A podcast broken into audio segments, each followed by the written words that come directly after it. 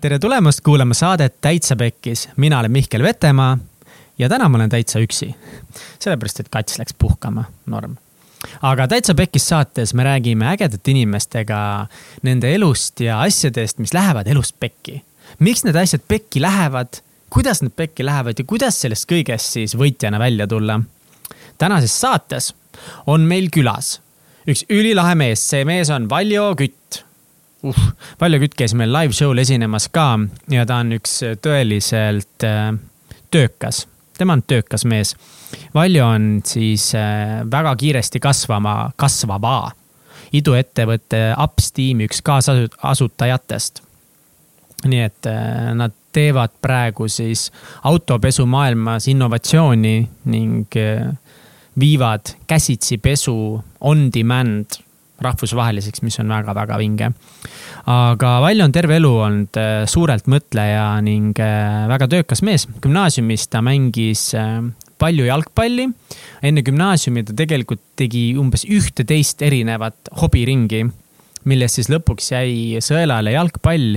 jalgpallis oli tal kindel eesmärk jõuda Eesti koondisesse ning ollagi professionaalne jalgpallur, jõudis mängida kolmteist mängu Eesti noortekoondises, tegi hullult palju tööd, töötas mitmel kohal ja nii edasi. ja selle raske tööga ta kindlustas endale ka spordistipendium USA ülikooli. aga siis kahjuks elu mängis vingerpussi ning kõik läks, kõik läks pekki. ja temast ei saanudki jalgpallur. Õnneks tal oli plaan B, ta ei viskanud äh, püssi põõsasse või kuidas öeldakse ja läks, läks hoopiski Inglismaale õppima ning äh, läks ka raamatuid müüma. tegi väga kõvad müügitulemused, töötas Ameerikas golfiasutuses golfiabilisena. ilma, et ta sellest midagi teaks, mis oli täiesti haige story. ning äh, pärast kõike seda oli tal kindel eesmärk hakata ettevõtjaks ja elu viiski teda kokku Martin Kristersoniga, kes käis ka meie üheteistkümnendas episoodis rääkimas siis Ups tiimist ja oma elust. ning nüüd nad ongi koos äh, viinud Ups tiimi juba Eestist väljapoole ka Soome. Neil on väga palju ärikliente ja nende väärtus täna on mingi neli, viis, ei, viis-kuus miljonit võib-olla juba. nii et see oli väga-väga lahe episood mehega, kes üle kõige peab sihikindlust, töökust ja suurelt mõtlemist väga oluliseks. nii et kallid sõbrad, head kuulamist. no tšau, Valjo. no tšau, Mihkel uh,. nii tore, Valjot tahtsime nii kaua saates saada, tubli kaks nädalat nii lahe. kuule, Valjo, kuidas siis on olla nüüd üksik mees? Ei, selles suhtes, ma ei ole üksik, et äh, mul oled sina ja täpselt, ma siis äh, vihjan siis sellele, et äh, Valjo naine Katre läks äh, suveks rampse müüma juba kaheksandat aastat, onju. Yeah.. toob korraliku raha sealt tagasi, peab teid aastat seal üleval, sest ega see startup'i värk, see on keeruline, onju. noh, jah, et see on sihuke ühine koostöö. jaa aga kuidas teil see suvel siis äh, süsteem on, et äh, kui, kui palju te räägite või kui palju te suhtlete? see on äh, kusjuures päris huvitav, et äh, nädala sees ei räägi, esmaspäev kuni laupäev ei ole mitte mingit äh, sõnumeerimist ega helistamist mm. -hmm.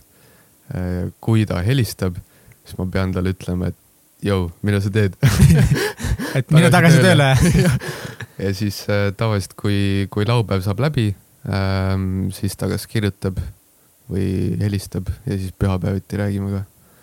aga miks see on siis niimoodi, et äh, esmaspäevast laupäevani ei suhtle? see on selline fookus asi ähm,. kui ma ise käisin ka neli suve müüsin, siis äh, noh, see on see, et, et äh, kuna tööpäevad on umbes kolmteist tundi mm. -hmm mina tegin tavaliselt rohkem, siis ongi see, et, et, et kui sa hakkad rääkima kellegi kodusega võib-olla tekib koduigatsus ähm,, hakkad mõtlema, et kuidas elu nagu seal on mm. -hmm. aga kui sa ei räägi, siis sa ole, oled nagu, elad momendis, elad päevas. fookus on seal nagu hästi oluline mm,. ja, ja, ja siis mingi, mingi armukadedust või igatsust või kuidas sa sihukeste asjadega hakkama saad äh,? Esimesed... või noh, sinul vist armukadedust niipidi ei ole, et nagu hullult kahju, et ta neid rampse ikka peab e, esimesed suved olid äh, oli nagu igatsus kõvasti suurem, siis nagu ei teadnud ka, sest siis olid esimesed suved, kui mina ei müünud, vaata mm. -hmm. aga nüüd me oleme sellise siukse nagu, nagu mõistliku asja endale kokku leppinud. Äh, mõlemad oleme nagu nõus sellega. ja mul on nagu siin noh, Eestis, Tallinnas ka elu nii kiire, et, et äh, hea, kui ma nagu üldse jõuan mingite tööväliste asjadele mõelda sa paned nüüd esmaspäeval, täna on pühapäev, sa lähed homme Soome, sa rääkisid? ja, ja seitse kolmkümmend laev. Egert viskas koja nalja, et no Kalevipoeg, noh, Eesti-Soome vahet ja mis sa tead, teed seal Soomes siis praegu täpselt?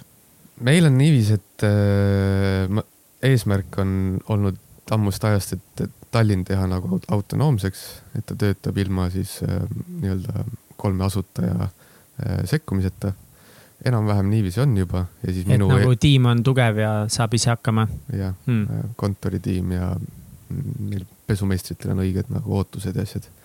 ja siis äh, Soome eesmärk on tekitada sama asi, et äh, valideerida see laienemismudel ära ja siis teha niiviisi, et keegi meist kolmest ei pea püsivalt olema Soomes. seal meil juba on praegu linnajuht mm -hmm. olemas, country manager mm. -hmm ja siis äh, esimesed pesud seal juba käivad äh,. see nädalavahetus pidi sada pesu tegema. Me... nädalavahetusel? jah, nüüd nagu täna ja eile, siis äh, naljaks ongi see, et see meie linnajuht on hästi motiveeritud tüüp. Äh, ma ei tea, kust me leidsime ta, ta on nagu täielik kuld ja äh, ta, ta ütles, et, et kuna meil seal ei ole veel nii palju pesijaid, ei ole nagu süsteemi välja töötatud, siis ta võttis pesudele kaasa, läks ise, võttis oma poja, tütre võttis oma mingid, oma mingi sõbra ja siis mingi poja sõbraga. jah nagu pere business wow,. ülilahe, täismotiveeritud vend ja kui vana ta on siis? Äh, ta on nelikümmend kaks. nelikümmend kaks jah, ja nagu ikkagi startup'is country manager, see tähendab seda, et sa oled lihtsalt ise esimesena seal põllul ja viimasena tuled ära ja push'id kõike. kui suur see tiim teil seal muidu on, kui neid õdesid, emasid ja tütreid mitte arvestada äh, praegu on seal üks, kaks, kolm kolm inimest on olemas ja mm -hmm. värbamine käib kogu aeg. keda te otsite siis? praegu otsime, otsimegi ainult pesijaid mm, -hmm. aga me tahame nagu pigem soomlasi saada, kes räägivad mm -hmm. soome keelt mm. -hmm. et seal meie nii-öelda brändi imidž, seal me tahamegi olla sellised nagu, pigem nagu Soome, äh, Soome bränd mm, -hmm. et, et kohalikud äh, vaatavad paremini. et, et kui me hakkaksime seal äh, väga palju immigrante värbama mm, -hmm. siis äh, kaoks see meie nagu selline hea äh, teenuse disain kaoks, kaoks ära, et mm -hmm. parem on ikka see, kui sa tellid omale pesu ja siis emakeelt kõnelev inimene mm -hmm. hakkab sinuga suhtlema, mm. -hmm. see annab hästi palju juurde, me ise arvame ma arvan ka. aga noh, eks ole näha. kusjuures äh, huvitav lugu on see, kuidas me ta leidsime. nii aga ma ei tea, kas on üldse nagu tänase podcast'i. oi, küta, juba, ma olen nagu, juba olen märg, küta, küta mulle äh, käisime Martiniga, Martin Kristerson siis, äh, ta on ka siin saates käinud. Äh, ja oota Käis..., mis episood oli Kristerson ähm,? nii Äh, ühesõnaga, sa räägi edasi, ma segan sulle viie sekundi pärast vahele, kui ma olen üles leidnud selle numbri. Martiniga siis Soomes on selline BNI, äh, kus mingid ärijuhid tulevad kokku, selline koosolek iganädalane. siis me käisime seal koosolekul äh, kontakte leidmas.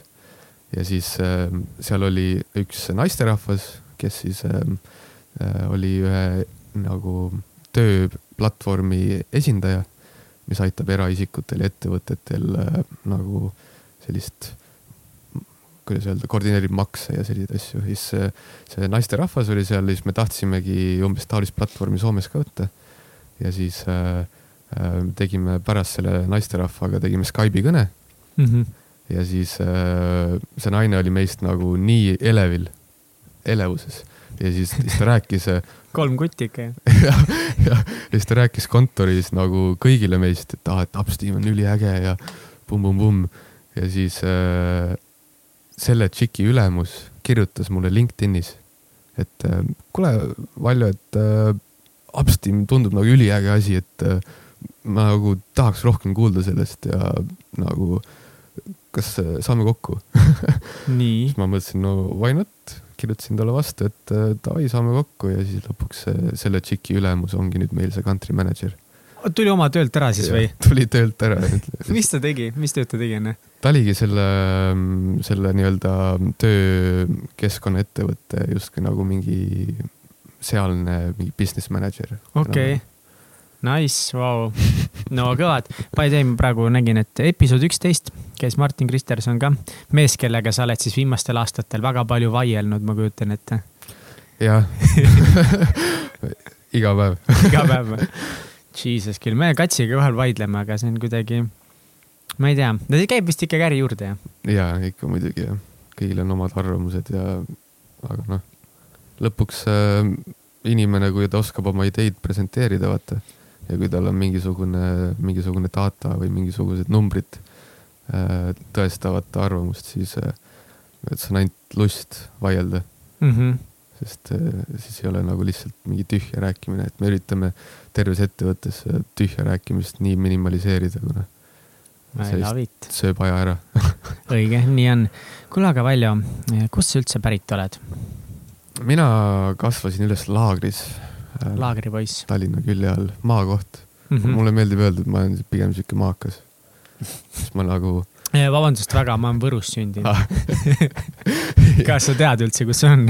ja, ja mu vanaema oli sealt pärit, ema on sealt pärit. aa, kuskohast? tegelikult Võru külje alt, Antslast. okei okay.. jah, ja isa pere on Räpinast pärit hmm.. nii et siuksed metsamehed sealt Räpinast tulevad ja. mul on eks-Räpinast pärit, nii et shout out ei tea, kas see on hea asi, mida teha või? okei, ja mis siis laagrist edasi, mis sa, oot, aa, kuule. kas sa käisid Tallinnas koolis või sa käisid laagris kuskil koolis? esimesed kuus klassi käisin Tallinna Pääsküla gümnaasiumis mm. -hmm see oligi naljakas. Äh, tollal, kui ma sealt ära läksin kuuenda klassi lõpust, siis äh, on see koolide edetabel, siis Tallinna Pääsküla gümnaasium oli kõige viimane, mingi saja kaheksakümnes. Mhm. ja siis Tallinna Reaalkool oli esimene ja siis ma läksin viimasest, läksin esimesse. et uh. selline kõva hüpe oli tõesti kõva hüpe. me teeme siin korra pude, vee valamise pausi või? jaa, ei, ma lihtsalt aga milline sa kooli ajal olid? et kui sa käisid Pääsküla gümnaasiumis, kas sa olid tubli õpilane või sa olid väike marakratt, sa tegid sporti kindlasti väga palju? Äh, koolis ma olen alati hästi hea õpilane olnud, äh, just nagu hinnete poolest, mul on, mulle ei meeldi ennast kiita, aga mul on hästi nagu, pea lõikab väga hästi mm -hmm. kõiki asju äh, e. eriti mingeid numbreid. kas sul jäävad nagu asjad hästi meelde või sa näed mingeid seoseid kuidagi hästi või? Jah, näen, asjad jäävad hästi meelde ja näen seoseid ja, aga noh, tegelikult on sihuke raske töö on ka ikka kõige alus. Et äh, mul noh, sellisest perekonnast pärit, kus äh, ema väga on alati nagu õpetanud seda raske töö tegemist ja, ja iga kord noh, kõik kodutööd ja asjad olid selline A ja O nagu okay.. et kui ise ei osanud, siis äh, perega istusime laua taha ja kõik koos tegime päriselt jah ja,? nagu by pere you mean äh, ema-isa mõlemad või mõnikord ema või mõnikord isa või? jah, ema või isa ja siis, kui raskemad asjad, siis nad tulid, panid mõlemad pead kokku ja mõtlesime asjad välja. kuradi algreeblane ma ei oska hääldada seda. hinded olid head, aga ma sain oma klassist kõige rohkem märkuseid. ma, mulle nagu, ma olen nagu nii elav inimene, jooksen ringi kogu aeg, siis küll ma seal kaklesin ja küll ma seal tegin muid asju väga-väga halb. kas sul hakkas äh, jalgpalli, see pisik tuli sul juba kuskil algklassides sisse või põhikoolis või? see tuli teises klassis. Äh, mul oli üks, äh, üks parimaid sõpru, Tiit Liblik, läks jalgpallitrenni ja siis ütles, et, et et ta üksi ei taha käia, et, et kas ma ei taha tulla, et siis tal on seltsis segasem. Ja nii ta hakkas, alguses äh,, alguses ma olin jõle halb, ma mäletan oma esimest äh, trenni mm. -hmm. see oli, see oli päris pekkis, et äh, kui mulle pall söödeti, siis ma kartsin palli, siis ma söötsin selle out'i edasi siis ma lihtsalt, lihtsalt tahtsin ringi joosta, ma ei tahtnud palli üldse saada. sul oli see paanika peal, et ei tea, mida palliga teha või? no aga see teise klassi poiss, see on nagu okei okay., ma mäletan, selles vanuses oli see jumala oluline, vähemalt mulle, et kus trennis nagu mingid sõbrad käivad või midagi. Sest meil oli, ma käisin karates nagu lasteaia viimane aasta ja siis kooli esimene aasta, siis ma kuttisin selle pärast ära, et mu nagu sõber läks ära.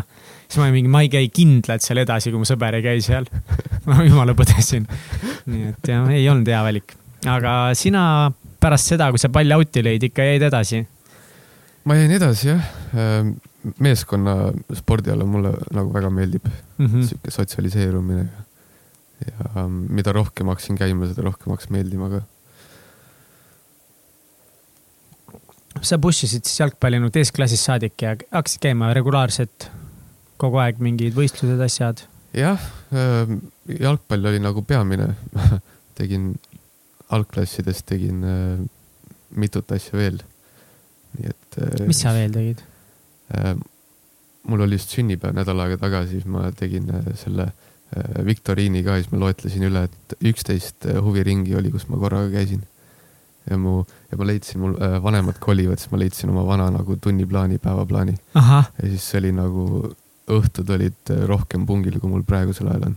Oh my god, mis sa tegid siis äh,? nii, hakkame lugema käisin äh, klaveris, siis käisin flöödis mm, -hmm. kitarris äh,, poistekooris äh,, siis jalgpallis, karates, sama nagu sina äh,, võrkpallis, kabes äh,, peotantsus, breiktantsus.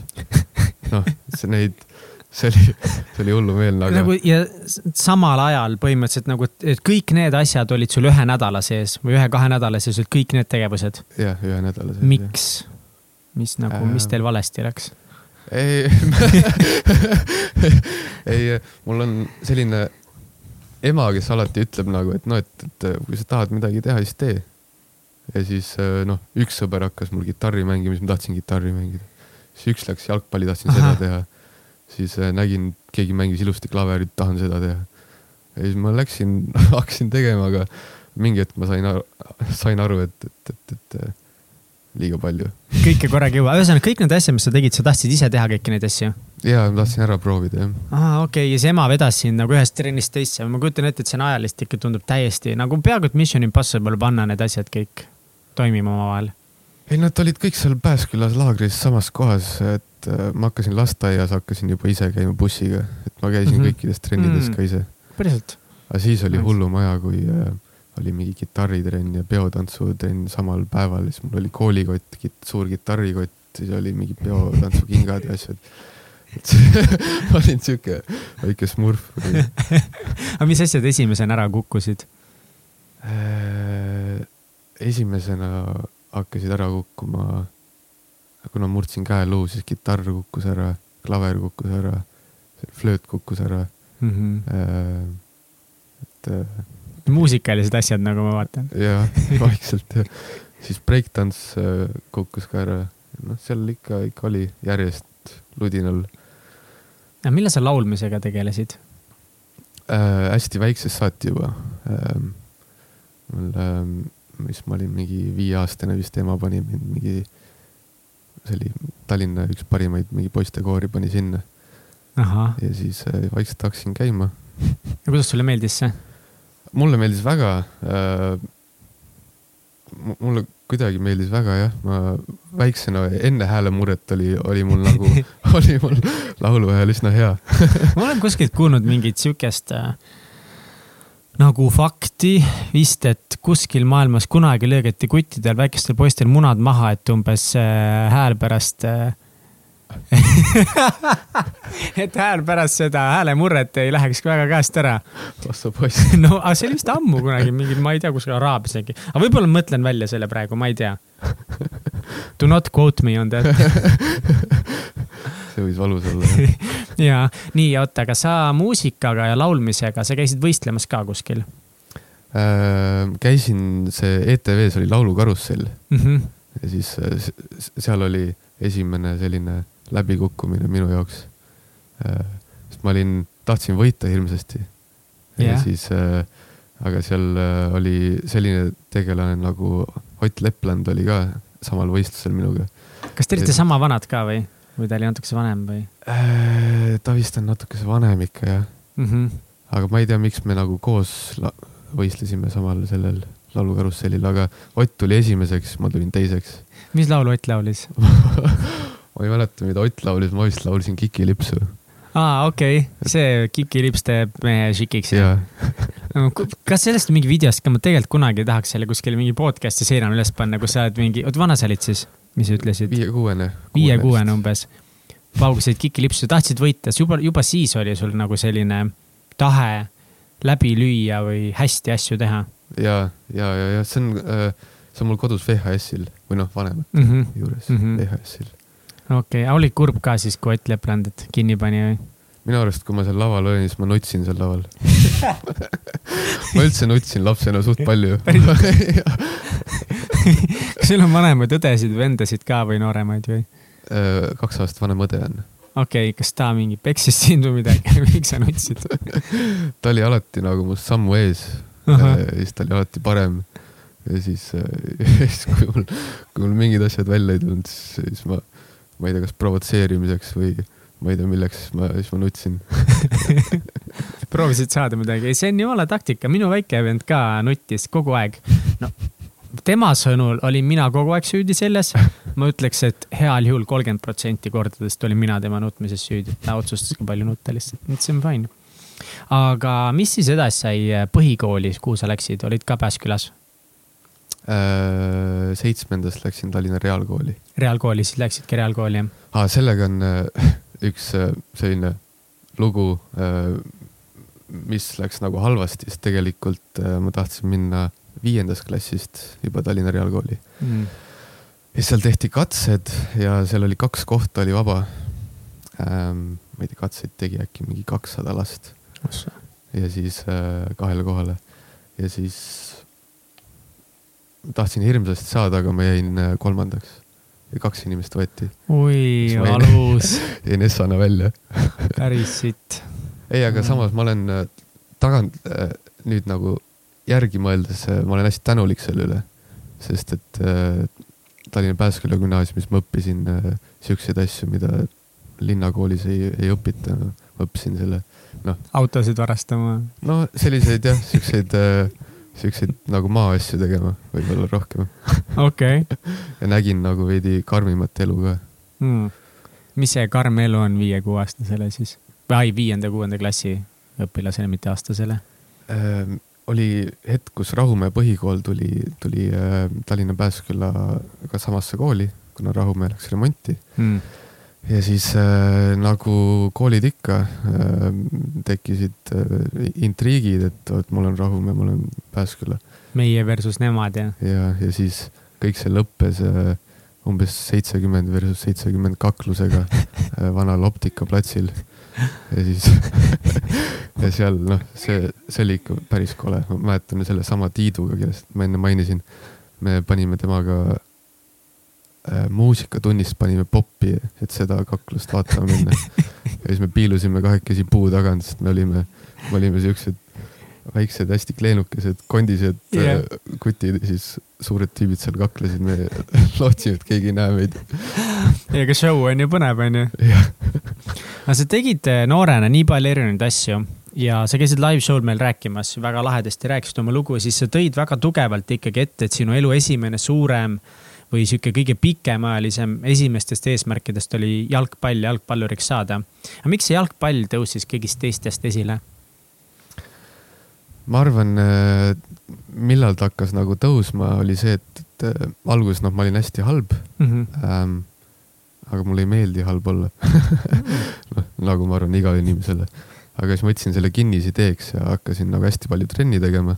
ja siis mingil hetkel ma sain aru, et et tegelikult nagu raske tööga ja sellise sihikindla suhtumisega on, on tegelikult võimalik äh, saada kõvasti paremaks, kui teised on. sest noh, see kümne tuhande tunni reegel, vaata, ma võtsin selle omale siukseks kinnisasjaks. no kui vana sa olid siis, kui sul nagu see klikk käis, et töö aitab mm,? ma olin mingi seitsmes-kaheksas klass, mis see vanus võib olla siis äh,? neliteist ähm, no, no. võib-olla kolmteist, kaksteist. kuskile sinna ühesõnaga ja, siis oligi see, et äh, võtsin omale kinnisasjaks. Äh, ma mäletan, et äh, mul oli, ema tõi koju sellise valge tahvli. ma ei tea, mille jaoks tahtis, äkki tahtsime joonistame sinna peale midagi, aga siis äh, siis ma nagu kirjutasin sinna suurelt peale, et uh, if you want something, go get it, period. see oli mingis filmis, vaata see uh, Will Smithi filmis oli see quote. Aa, ah, kas see on sellest Pursuit of Happiness'is äkki või? Mm -hmm, hea siis, film, When Men Cried, ma nutsin täiega. see oli kaks tuhat kuus või see film tuli välja, siis mulle nagu läks see film nii hinge, sest see oli noh, tüüp äh, tegi müügitööd üliraske, perekonna raske seis, aga ta oli nagu nii järjepidev, vaata.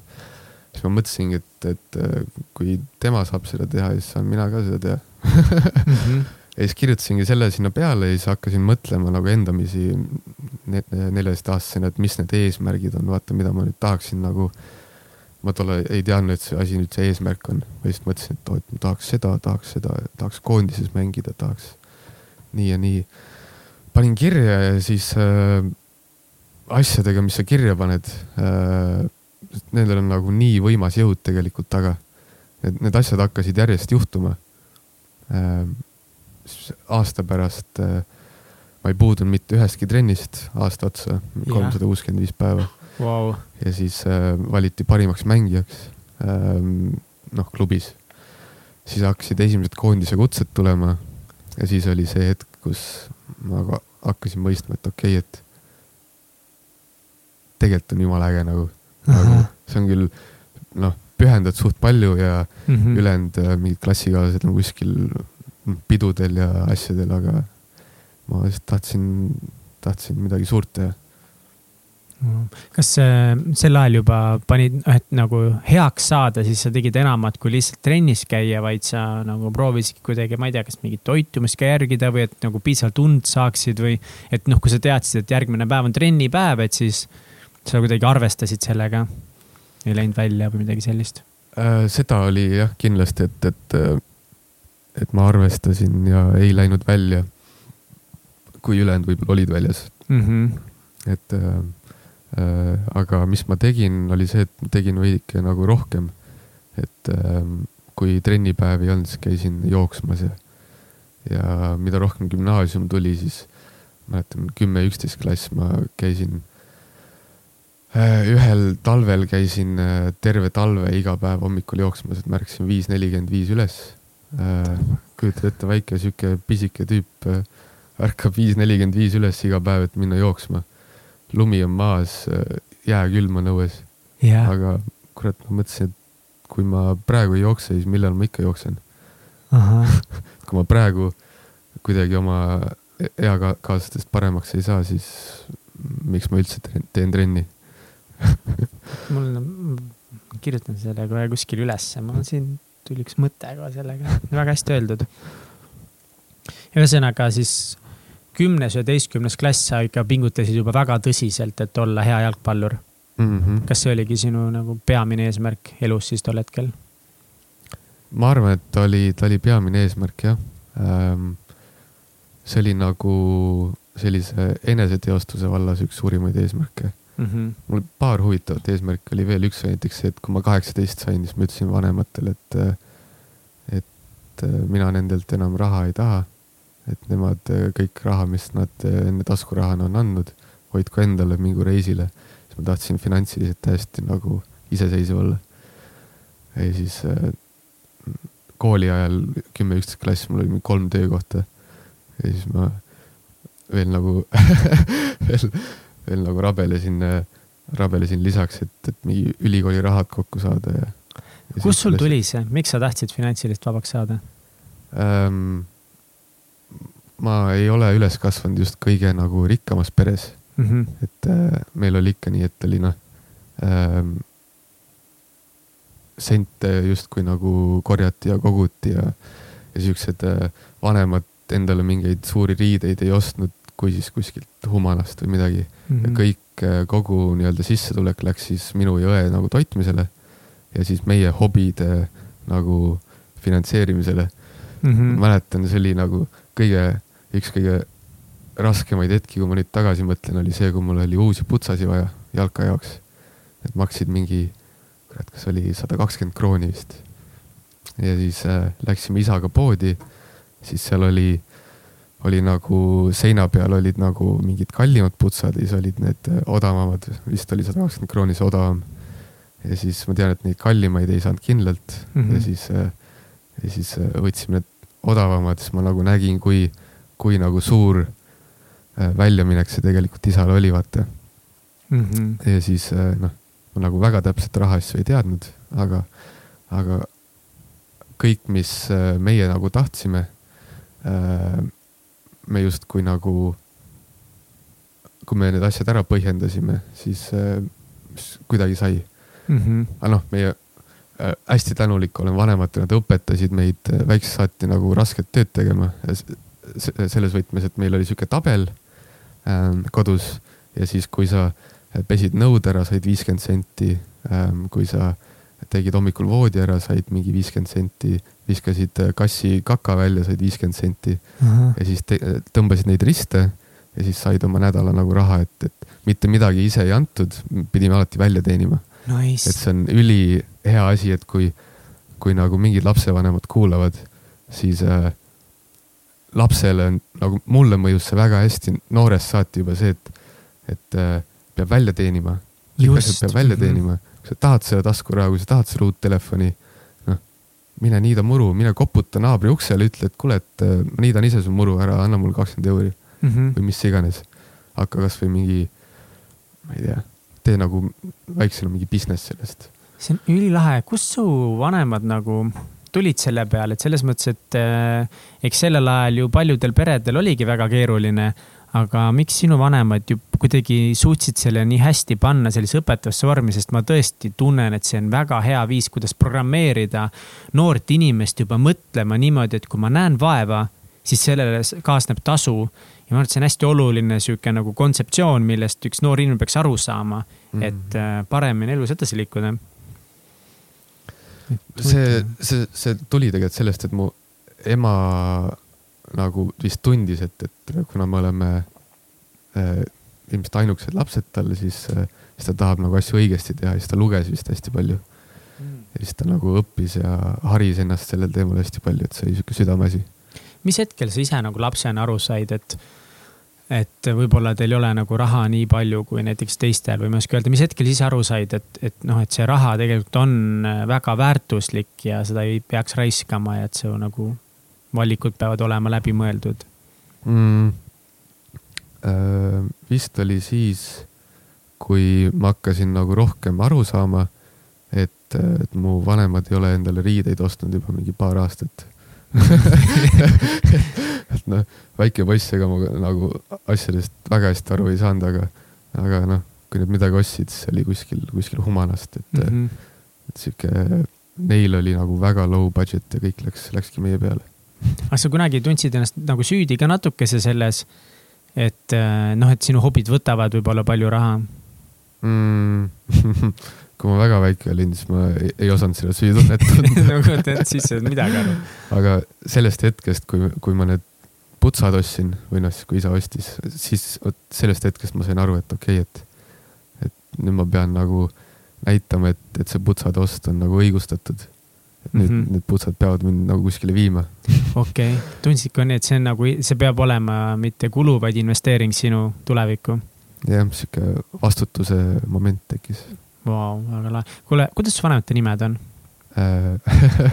see on huvitav, mu ema nimi on Valli yeah.. isa nimi on Veljo. ja sina oled Valjo? mina olen Valjo ja õde on Velli oota, teeme selle karusselli nüüd uuesti läbi nii, isa on? Veljo. Veljo, aa ah, okei okay., kuule, shout out Veljo, ülihea töö Valjoga, ausalt, nii. ema on Valli Valli, shout out to Valli ka nagu mega super töö. ja ma olen nagu, täiega tahaks kunagi kohtuda nendega. tegid hea töö ikka sinuga, sa oled normprodukt, noh. nii, õde oli? Velli. Velli, okei okay.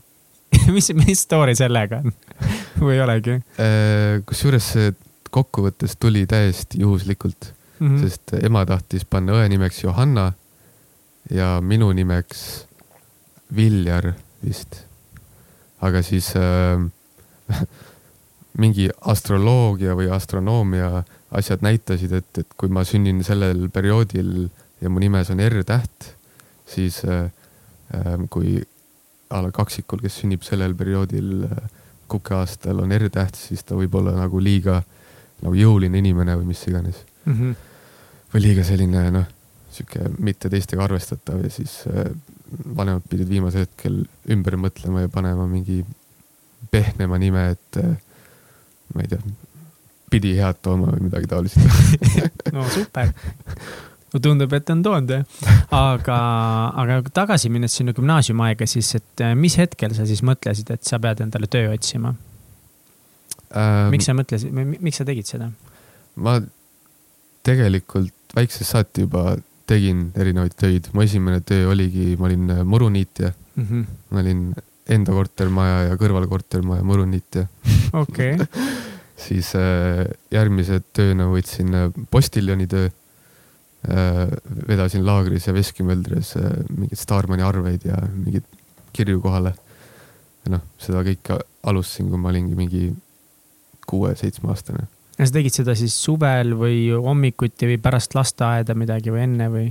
Äh, postiljoni tööd kas õhtuti või nädalavahetustel mm -hmm. ja niitmist samamoodi mm. -hmm. ja siis mida rohkem nagu vanemaks sain, siis gümnaasiumist tulid mingid teistsugused tööd ka juurde a la, vist oli ta nimi, üks poliitik, ma ei mäleta, vist oli Indrek Raude. vist oli peateadne, aga ta äh, kandideeris Riigikogusse ja siis kuidagi juhuslikult äh, minust sai tema kampaaniajuht ma, What? ma ei mäleta, ma ei mäleta, kuidas see läks, mul lihtsalt üks äh, sõber teadis ühte inimest, kes oli siis selle selle Indrekuga koos töötanud ja siis, ja siis äh, oli rääkinud, et mingi töökas ja, ja kiire taibuga nagu väike kutt, kes, kes võiks siis koordineerida seda, mis äh, valimisreklaami, mis äh, nagu postkastidesse lähevad ja ja siis ja, ja mingi noh, mingi nänn ja mingid asjad ja siis ma koordineerisin seda ja mingi, see oli veel. kui vana sa olid siis? no vist ta oli seitseteist või. okei okay ja siis olid noh, mingid väiksemad asjad ka, alla mingi jalgpalliturniirid, aitasin neid korraldada ja, ja neid asju ikka oli. No kirjelda oma gümnaasiumi mingit sihukest tüüpilist nädalat, et, et gümnaasiumisse pidid koolis käima, Reaalgümnaasium ei ole väga lihtne kool. sa tegid jalkat ja siis olid kolm tööd ka, kuidas see kõik välja nägi mingil kõige kiiremal perioodil ehm,? tavaliselt äh, kuu peale oli jalka vabasid päevi, oli mingi kaks-kolm. ehk siis äh, tüüpiline nädal oli see, et esmaspäevast äh, pühapäevani on siis äh, kuus trenni iga päev ja siis üks mäng.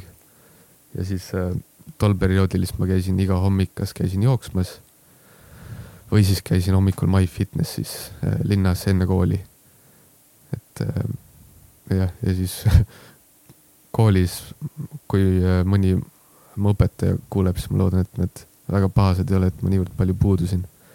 Aga siis oligi, käisin hommikul äh, kuskil MyFitnessis ära, jõudsin kooli, SS, SS tundi ei jõudnud tavaliselt.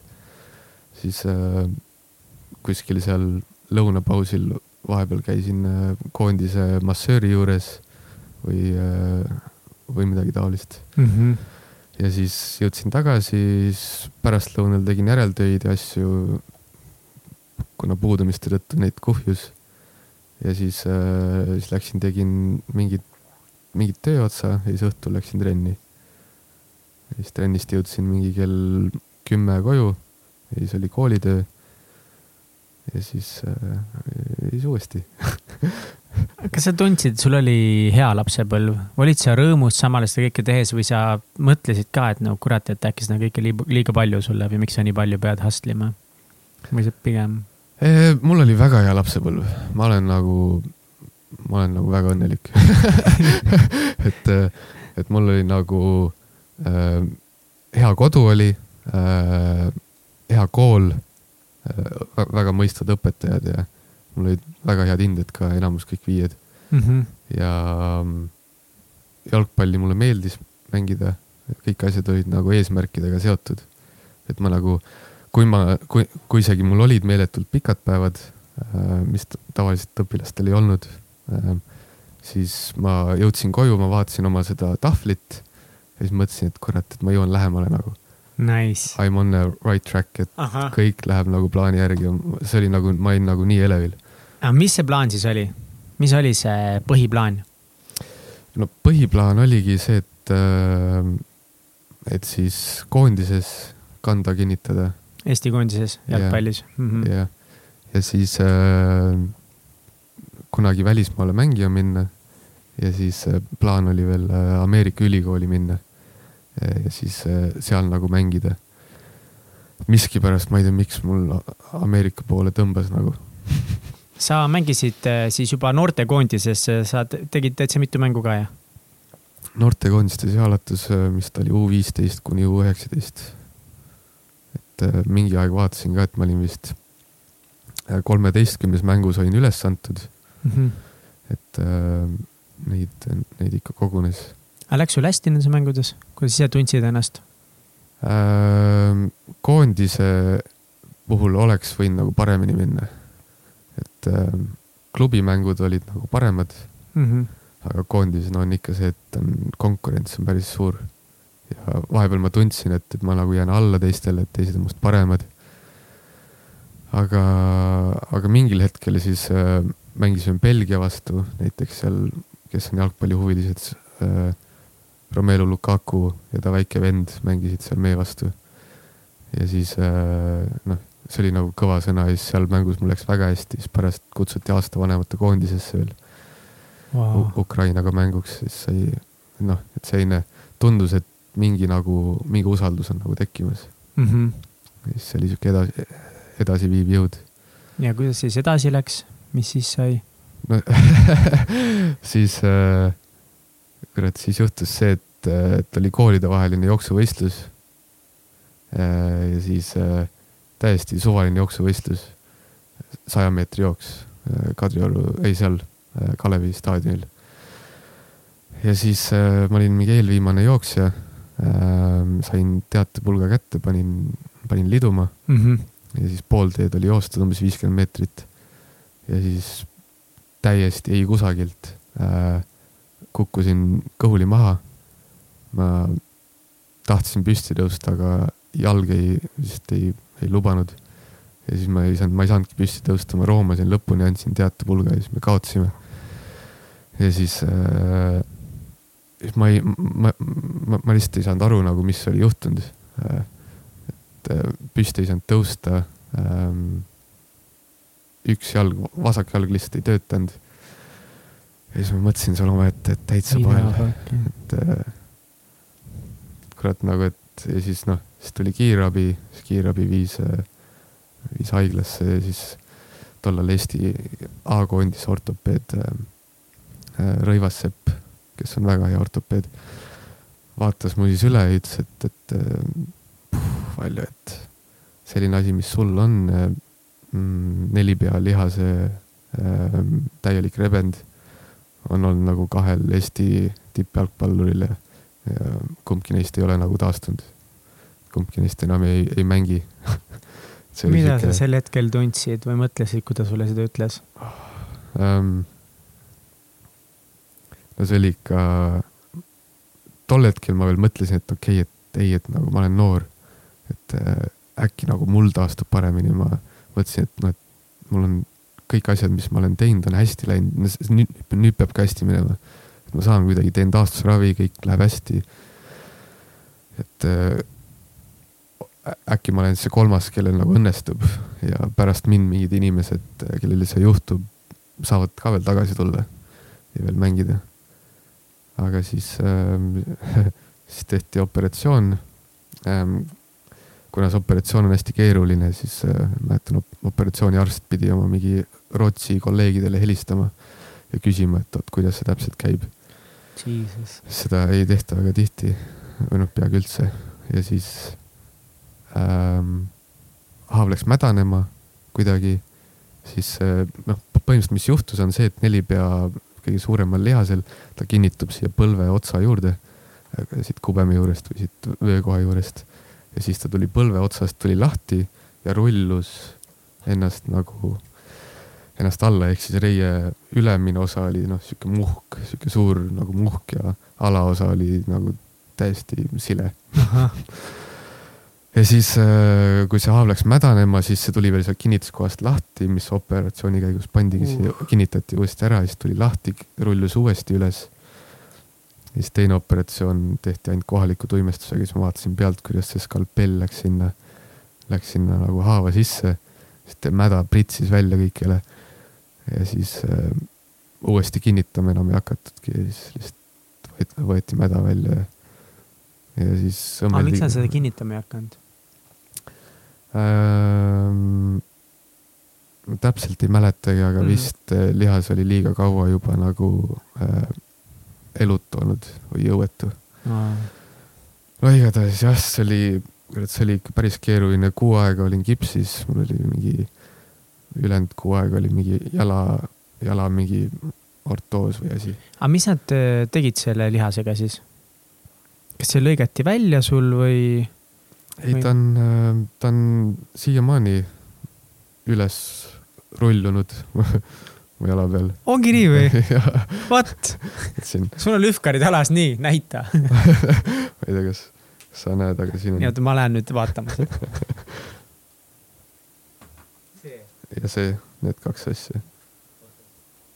ta on siia, siia. Egert kohe filmib ka seda aga see on nagu, ta võib seal okei okay, olla, et nagu lihtsalt täitsa kummaline, ma kuidagi, mul ei mahu pähe ära see, kuidas see niimoodi, et lihas ei ole enam kinnitatud sinna, kus ta peab olema, lihtsalt tilberdab sul kuskil mujal. ja algus oli nagu mega keeruline. Äh, ma ikkagist üritasin seda äh, taastusravi teha ja ühe Eesti parima arsti juures seal Gerd Kanter ja Raio Piiraja oli samal ajal seal, kui nagu mina olin ka seal.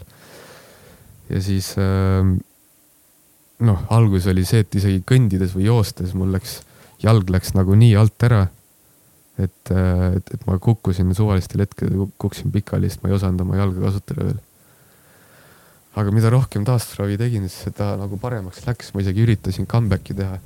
mingi, meil oli äkki Lä äh, Läti vastu koondise mäng yeah. oli veel üritasin comeback'i teha. aga siis... treenerid olid nagu, lubasid sind mängima või nõnda, nemad lootsid ka, et sa ikkagi paraned? jah, nad, äh, no nad ikka lubasid, sest äh, see taastusravi oli nagu päris hea olnud mm. -hmm. aga siis mäletan vist seal oli, oli vist Lätiga mäng. tulin vahetuses sisse ja siis hakkasin palli järgi jooksma ja, ja siis kukkusin jälle pikali nagu et mu jalg lihtsalt ei, ei andnud nagu nii, nii kiire tempo juures, ei, ei, ei, ei kuulanud mu käsklusi. päris hull mõelda nagu, et, et kuidas, kui sa nagu pea tahab midagi mõelda mm -hmm. ja siis jalg ei tee seda, mis sa nagu tahad. Ma isegi ei kujuta ette seda põhimõtteliselt. ja siis tol hetkel ma mäletan pärast mängu ma, ma olin ma olin nagu nii kurb lihtsalt.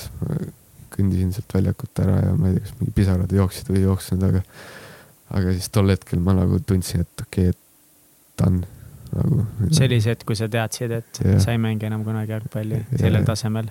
ja, jah. et siis äh, see oli, see oli suht crazy jah aga. aga mis sa nagu edasi tegid? ma mõtlen, see, need järgmisel päeval. et järgmisel päeval, kui sa said aru, et sa ei mängi enam kunagi jalkat. kas mõnes mõttes sinu see unistus siis sel hetkel purunes või? ma arvan, et ta, ta purunes tegelikult juba sel hetkel, kui, kui see operatsiooni asjad olid mm. -hmm et äh, juba siis ma sain nagu aru, juba siis ma pidin hakkama mingi plaan B-si välja mõtlema, et, äh, et kui eelnevalt oli nagu plaan minna USA-sse ülikooli jalgpalli mängima, minna. noh, ma mõtlesin, et seal on siuksed suured staadionid, vaata, palju publikut ja sihuke nagu äge mm -hmm. koht, kus nagu mängida ja õppida ka veel lisaks. no muidugi. ja siis äh,, aga jah, siis juba kohe pärast oppi hakkasin mingit plaan B-d välja mõtlema. okei okay., aga mis sa kõige rohkem õppinud oled sellest just kogu sellest saagast sinu jala ja jalgpalliga? ma, ma arvan, kõige rohkem õppisin seda, et, et see kümne tuhande tunni reegel töötab tegelikult. et kui inimene tahabki milleski väga heaks saada, siis äh.... Egert midagi karjub mulle, ma ei saa aru, mis. aa, ma puhun, vabandust ma enam ei puhu andke andeks, kallid sõbrad. üks äh, asi ongi jah, see kümme tuhat tundi, et kui tahad kuskil milleski hea olla, siis lihtsalt pane tunnid sisse ja tee nagu rasket tööd ja küll sa, küll sa jääd inimestele silma järjest rohkem. ja teine asi on võib-olla see, et äh, kurat, et kui midagi läheb nagu viltu, midagi läheb metsa. jumala savi tegelikult nagu, äkki nii pidigi minema. nagu nüüd mul on see usk, et, et jumala, jumala kama, kui midagi läheb halvasti ma pigem nagu naudin seda, ma nagu tunnen, et, et oh, äge, et nagu midagi läks halvasti, jumala vinge, sest kui, kui see praegu ei oleks halvasti läinud, võib-olla ma oleks jätkanud seda mingit sama rada, vaata. ja võib-olla oleks läinud veel hiljem mingi asi halvasti ja siis oleks lihtsalt kaotanud selle aja oma nagu elus, vaata mm. -hmm. et ses mõttes äh, tagasi vaadates see, et, et mul see õnnetus juhtus selle jalaga äh,, täiesti nagu õnnistus, ma arvan. et võib-olla ma just ei olnud, ei, ei pidanud nagu jalgpalliga nii palju nagu tegelema. võib-olla see ei olnud mõeldud sulle, et mingi teine tee oli kellelgi teisel sulle valmis. mulle meeldibki see, et sa seal live sul ka ütlesidki, et kui läheb pekki, siis läheb pekki, et, et ära jää munema, et liigu edasi mm.. ja juba siis sa nagu mõtlesid, et sa ei saa seisma jääda, et sa pead uue plaani välja mõtlema ja. aga mis sul sellest USA ülikoolist said, selleks ajaks sa olid ju sinna avalduse juba teinud ja nemad ootasid sind jalgpalli mängima ka. jah, mul oli üks äh, ühe sõbranna vend oli õppinud siis äh, University of Indianapolis'es. ja ta oli seal, ise ka sai spordistipendiumi ujuja, üks Hanno, Hanno Ahonen ja siis ta tutvustas mind sellele jalkatreenerile seal. ja siis äh, pidin mingid videot, videot kokku, äh, kokku panema ja oma mingi sportliku CV tegema ja siis mm. saatsin need asjad ära ja siis ta ütles, et äh, väga vinge, et, et eestlasest õpilast pole neil ammu olnud ka ja USA-s on see diversity on hästi, mitmekesisus on, on, on nagu hästi oluline mm. -hmm. ja siis see oli nagu üks selline kasutegur, et, et et äh, kui eestlane tegelikult tahab minna mingisse kooli õppima, siis äh, pff, kandideerige, teie eelis on juba see, et, äh, et võib-olla te olete ainuke eestlane seal ja nad tahavadki värsket verd nagu. et see oli üks asi, mis mängis ka rolli ja siis see, asjad läksid hästi ja siis nad ütlesid, et, tead, mul on nagu täielik spordistipendium ja noh, USA ülikooli aastamaks, seal oli vist kakskümmend kaheksa tuhat. Uh et noh, kui sa kolm aastat, neli aastat seal õpid, siis mingi sada tuhat eh, umbes nagu on kokku ja, ja täisspordistipendium tõi selle kulu nagu nulli peale. lihtsalt nagu enda elamiskulud. see oli see, millest sa olid unistanud ju. ja, ja.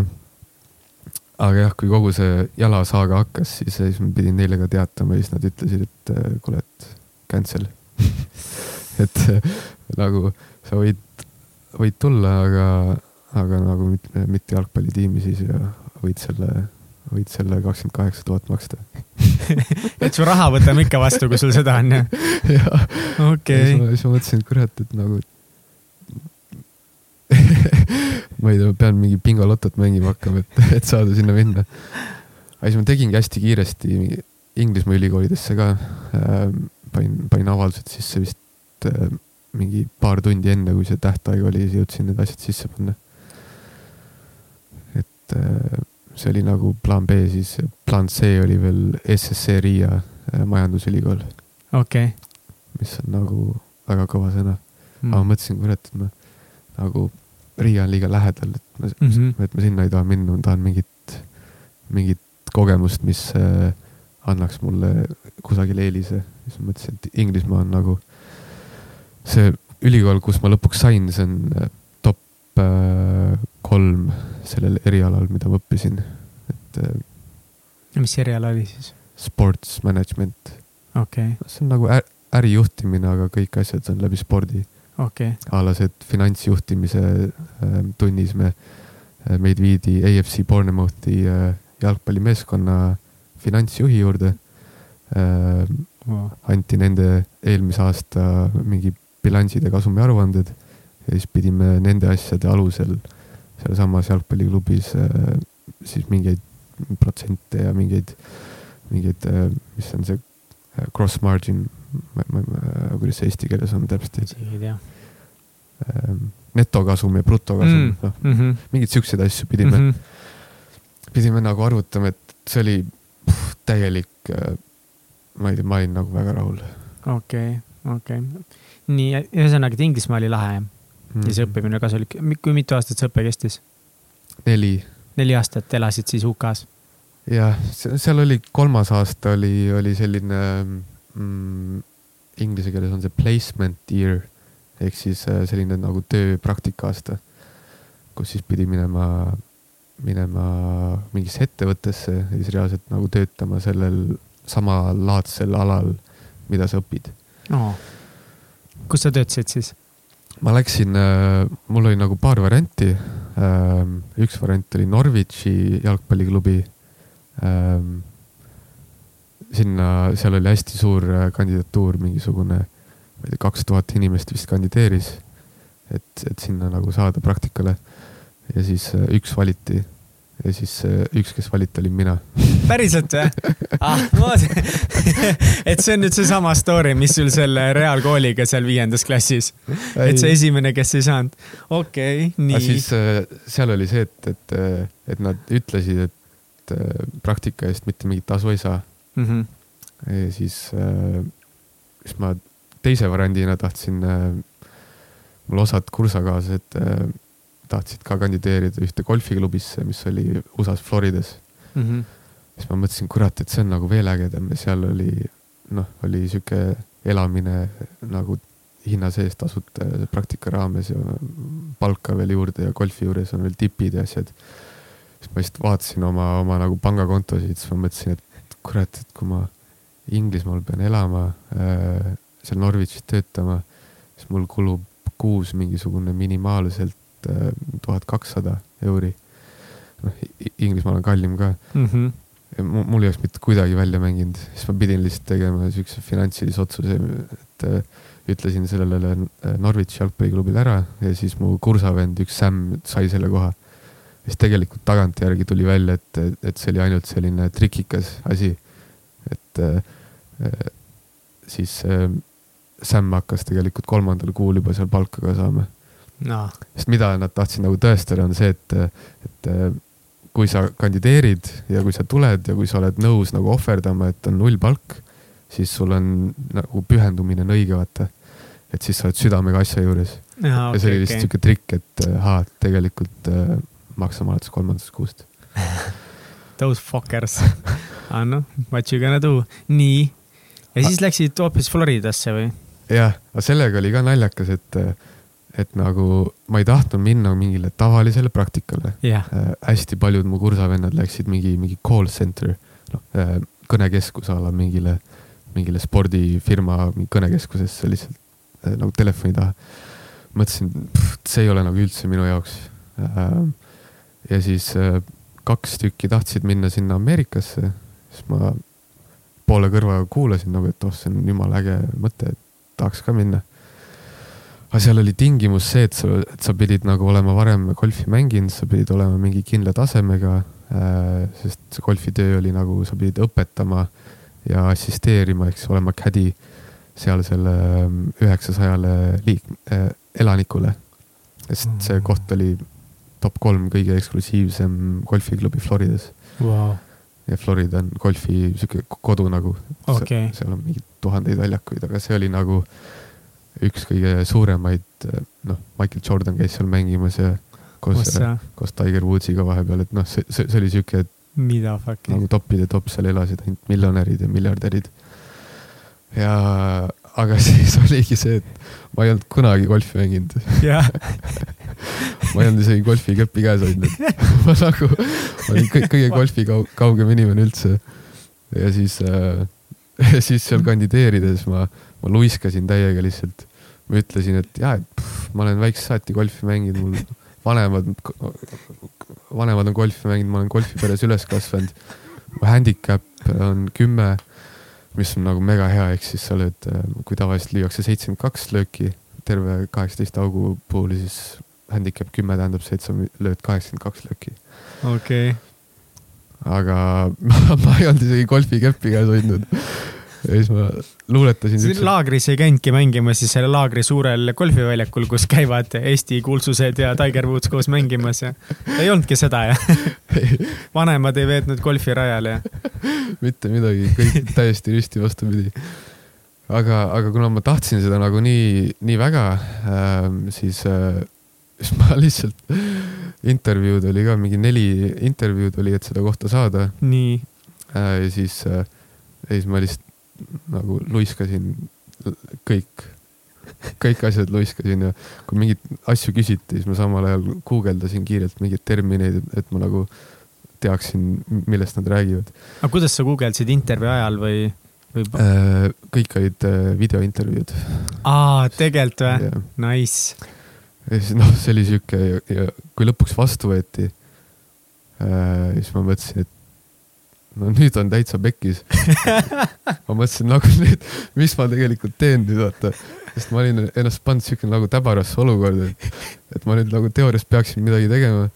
ja siis ma äh,, siis oli veel muidugi see, et ma olin suvel müüsin raamatuid, siis jõudsin septembris tagasi, Essa oktoober pidin seal juba olema.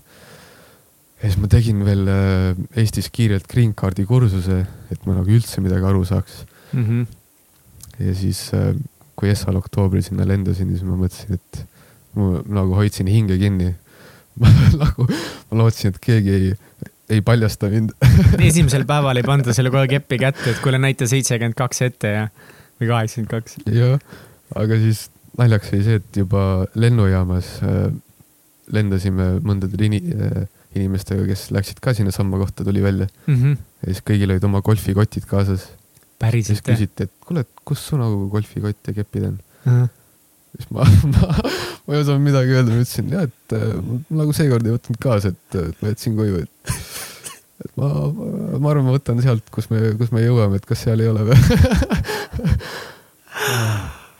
lihtsalt oli... niimoodi ajasid sitta kõikidele. see oli siuke, siuke peavalu.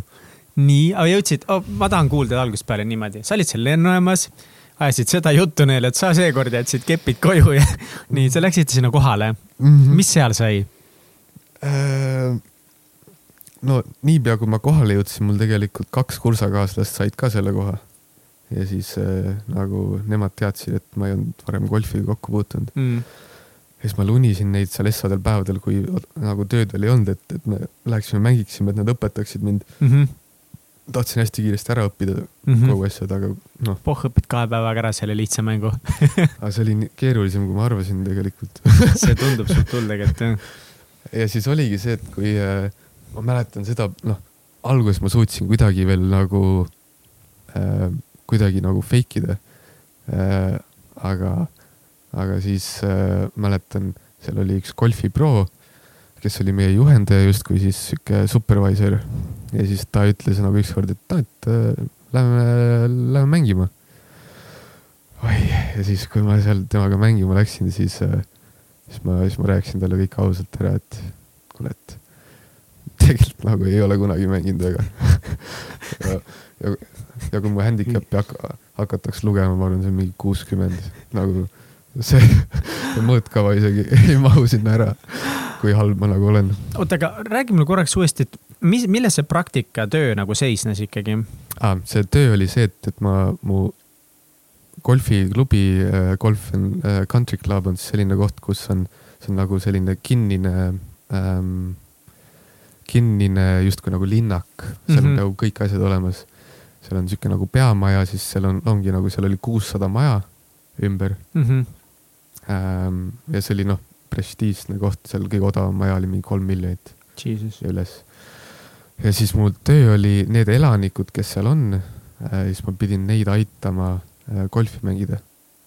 et siis, nagu neile golfi õpetama või mingit asja, midagi muud tegema või? kui nemad läksid mängima, siis mina olin justkui see äh, nagu abistaja mm.. selle, selle termin on caddy mm, -hmm. kes siis äh, et, et, et kui nad on ähm, sealt lipust saja neljakümne meetri kaugusel, siis äh, mina pean andma neile golfikepp äh, raudseitsme, kuna sa lööd raudseitsmega sada nelikümmend meetrit. okei okay,, okei okay.. ja siis no, ma nagu, ma jõudsin kohe, vaatasin, no kurat, et äh, ma nüüd täpselt ei tea, mis keppe ma pean andma kellele, et ja nagu. ja siis, kui nad küsisid reeglite kohta, no siis oli nagu veel raskem, et esialgu siis ma nagu ütlesin, ma ei tea, ma seal midagi hämasin igatahes. ja, ja siis äh,, ja siis noh, lõpuks tuligi, tuligi välja. ja siis äh, läksin sinna selle suure bossi juurde. Roberto Bruno oli ta nimi äh,. ta on nagu Floridas oli, noh, ta, teda nüüd enam ei ole, aga omal ajal ta oli siis üks kõige hinnatumaid selliseid inimesi Florida golfimaailmas. ja siis ta oli, muidu oli hästi sõbralik, aga siis minuga tollal ta ei olnud nagu üldse sõbralik ja see oli nagu õigustatud ka mm. -hmm. ja siis ta ütles mulle, et kuule, Valjo, et ma kuulsin siin Toodi käest äh, nii mõndagi ja nüüd on nagu sinu kord ausalt ära rääkida. siis ma rääkisin talle ausalt ära, et, et, et ma tegelikult äh, ei ole nende oskustega, mis ma ütlesin, et ma olin. ja ma tegelikult lihtsalt tahtsin, tahtsin nagu uut väljakutset ja tahtsin teha midagi, mida ma ei ole kunagi varem teinud ja ennast proovile panna mm. -hmm. siis ta nagu sai mu motiividest aru ja ta ütles, et, et, et nemad seda ei aktsepteeri, et ma võin lennupiletid osta, et, et, et ma homme ei pea enam tulema mm. -hmm. oh, päev ees, siis sel hetkel ma mõtlesin nagu täitsa pael, nagu mis ma teen, mis ma teen, mis ma teen, siis ma ütlesin talle lõpuks äh, otse, nii nagu, mis ma arvasin, ma ütlesin talle, et äh, noh, sorry, ma nagu tegin halvasti. aga ma olen selline inimene, et kui ähm,, kui on vaja, ma töötan kõikidest kõige rohkem. ma effort'i ja pingutuse mõttes ma annan nagu kõikidest kõige rohkem nagu ma võin nagu kihla vedada, ma ei, ma ei tea, mille peale mm. -hmm. ütlesin, ütlesingi, et ma töötan kõikidest kõige rohkem. Äh, ma õpin äh, kõikide elanike, üheksasada elanikku, õpin nende nimed esimesena ära. ja, äh, ja ta ei pea pettuma. et ma ei vea teda alt. ja siis ma ei tea, kas ma ütlesin seda väga veenvalt või ma, või ma tõin mingeid häid näiteid, aga siis ta oli nagu nõus päriselt? olin nagu nõus, et ma võin sinna jää-, sinna jääda. ja siis hakkas õige trall pihta, ma olin nagu, ma olin tüüp, kes oli vist äh, kõige rohkem golfiväljakul, nagu kohe, kui töö lõppes, ma olin seal, ma olin mingi kuus-seitse tundi iga päev olin seal, harjutasin, möllasin, tegin lisaks, jooksin ette-taha. ja siis äh, hakkasin järjest rohkem silma paistma sellega, et mul hakkasid nende elanike nimed pähe jääma ja noh, seal on nagu selline teenindus, et, et, et kui elanik tahab, siis sa isegi pead ta nagu äh, peput pühkima enam-vähem. seal tehakse kõik ette, ette ja taha ära. ja siis äh,, mille üle ma hästi tänulik olen ka tegelikult, sest seal on selline teeninduskultuur äh,, mis praeguses elus, kus ma nagu olen, on mulle nii palju nagu õpetanud. just seda, et kuidas pakkuda kõige paremat teenindust. et kui ma kuulan vahepeal kuskil seda äh, Rataskaevu kuusteist restorani omaniku, see, mis ta on? ma ei tea, mis ta nimi on, ma olen kuulnud temast, et ta on mingi ilgelt kõva teenindusproff. ja siis äh, mul tekivad nagu flashback'id äh,. ja siis, sest teenindus ja teeninduses noorena töötamine, ta räägib ka, et, et kõik inimesed peaksid töötama teeninduses noorena.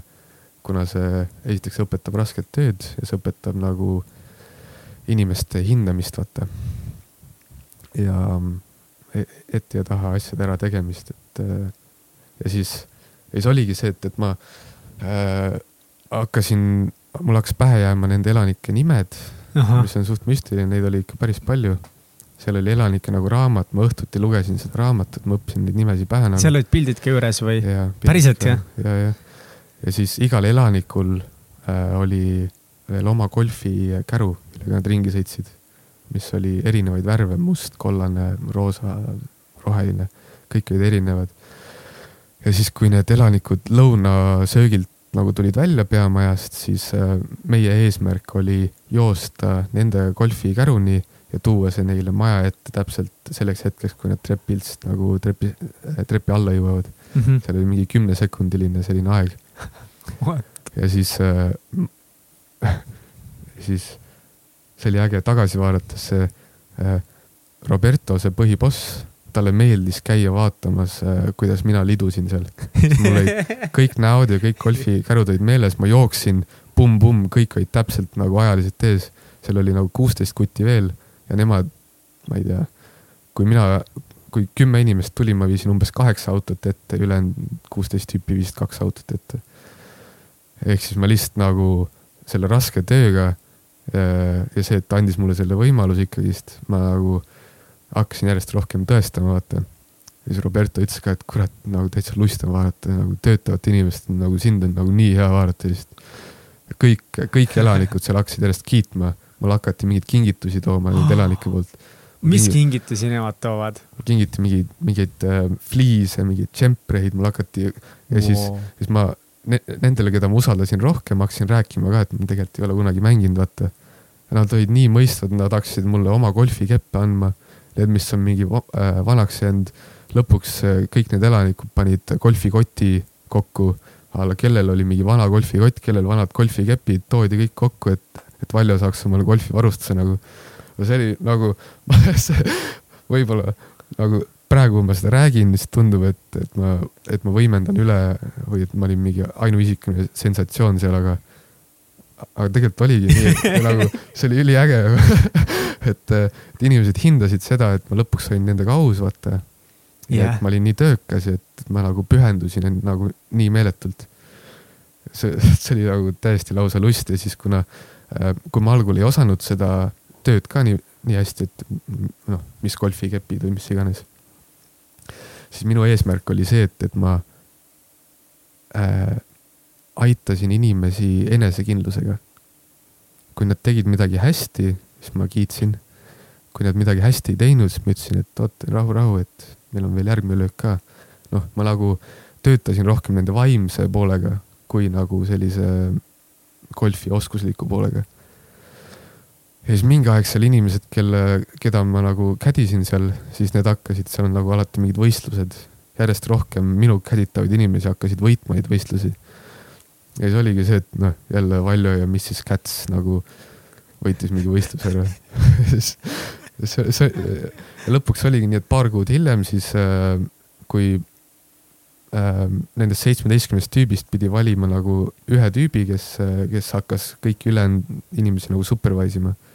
Ja siis lõpuks see golfipro äh, valis mind ja siis ma olin nagu teiste ülemus seal nii-öelda et, et sihuke rag to riches story nagu mis sa siis tegid, kui sa nüüd ülemus olid, mis sinu ülesanne oli, vaadata, et nemad oma tööd teeksid? panid nad kõik jooksma ka kiiresti kädide järgi, nende autode järgi?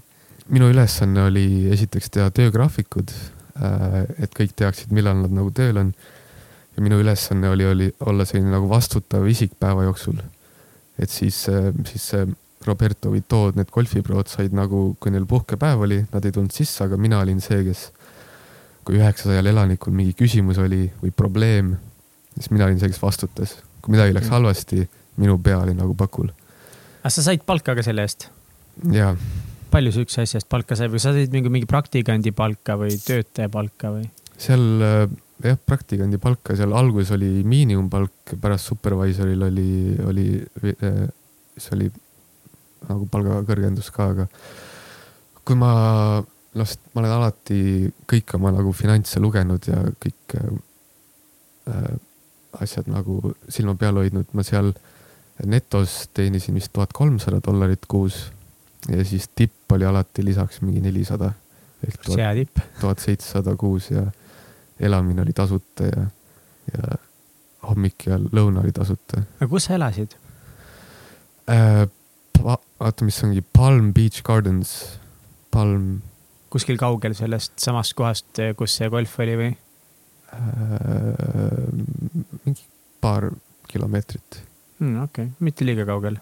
West Palm Beach, jah, West Palm Beach oli selle linna nimi ja me elasime Jupiteris, mis oli seal veidi kõrval. okei okay.. Siis golfiklubi nimi oli Frenchman's Creek.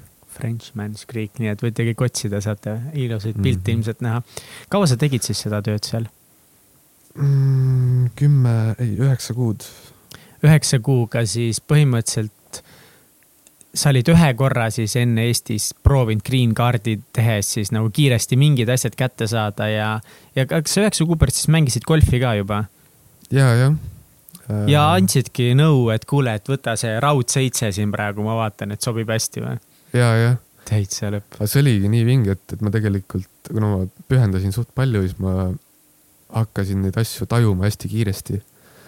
ja siis minu jaoks oli nagu, oligi hästi põnev, et kui ma sealt ära tulin, siis äh, ma seda handicap'i ei mäleta, aga ma mäletan, et ma, äh, et ma ikka sain pallile pihta ja seal oli mingisugune võistlus nagu nende kädide vahel ja mm -hmm. ma ei jäänud isegi viimaseks seal ja noh, et, et äh, täitsa uskumatu. see on tõesti, seal olid ju teised olid tüübid, kes olidki nagu päriselt mänginud nagu väga pika aja oma elust juba ja.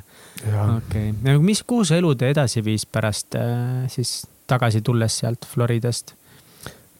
siis sa läksid uuesti teist aastat raamatuid müüma või? selle Florida lõpetuseks, äh, ma arvan, et üks asi, mida ma õppisin ka sellega, või noh, nagu ma olen mm -hmm. alati, alati nagu üritan mingeid õppetunde kuskilt asjadest kaasa võtta.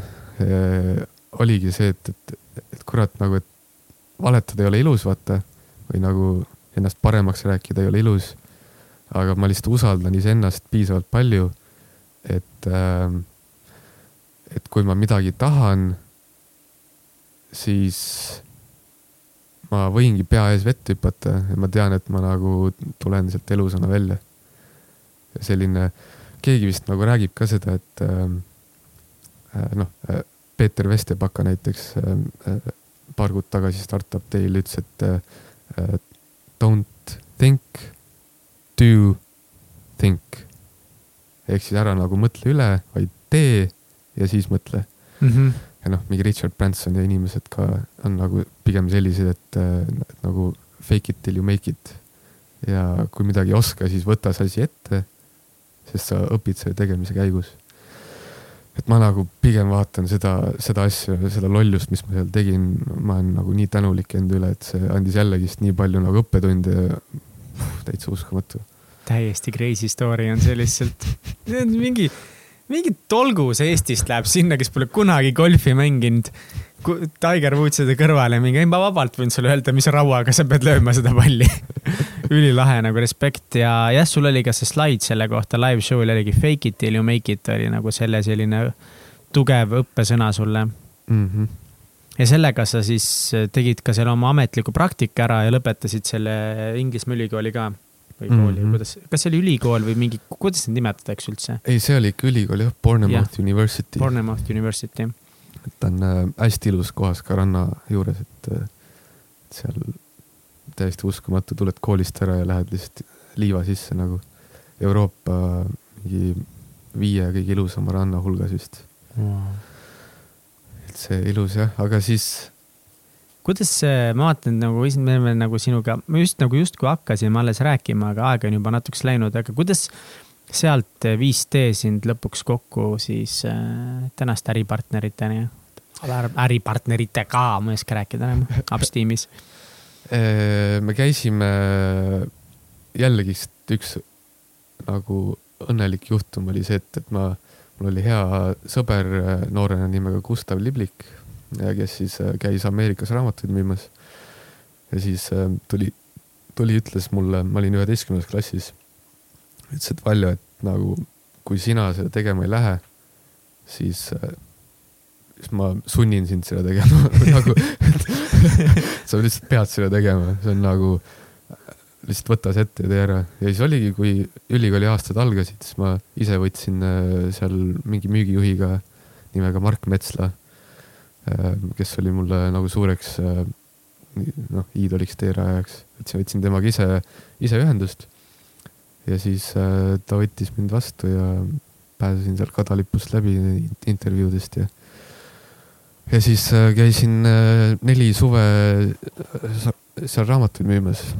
Ja neljandal suvel töötasingi koos samas grupis Martin Kristelsoniga. Mm kuidagi, kuidagi me nagu klappisime jõle hästi. et nagu, nagu jõle hästi klappisime. ja oligi pärast suve äh, Martin ütles mulle, et, et tal on äh, mingisugune ülivinge idee mm.. aga et, et ta veel ei räägi mulle sellest härra salapärane. ja siis noh, see oli kohe pärast suve. ilmselt ta tahtis midagi ette valmistada. okei, okei. Ja siis kaks kuud hiljem, kuskil novembris, siis, siis ta ütles, et Valjo, et kuule, kas sa lähed raamatuid müüma? ma ütlesin, et enam ei lähe. ülikoolis ka ei ole enam, et mm -hmm. ma, ma tahan midagi nagu ise teha, et ma tolleks hetkeks ma sain aru, et mulle palgatöö ei meeldi mm. -hmm.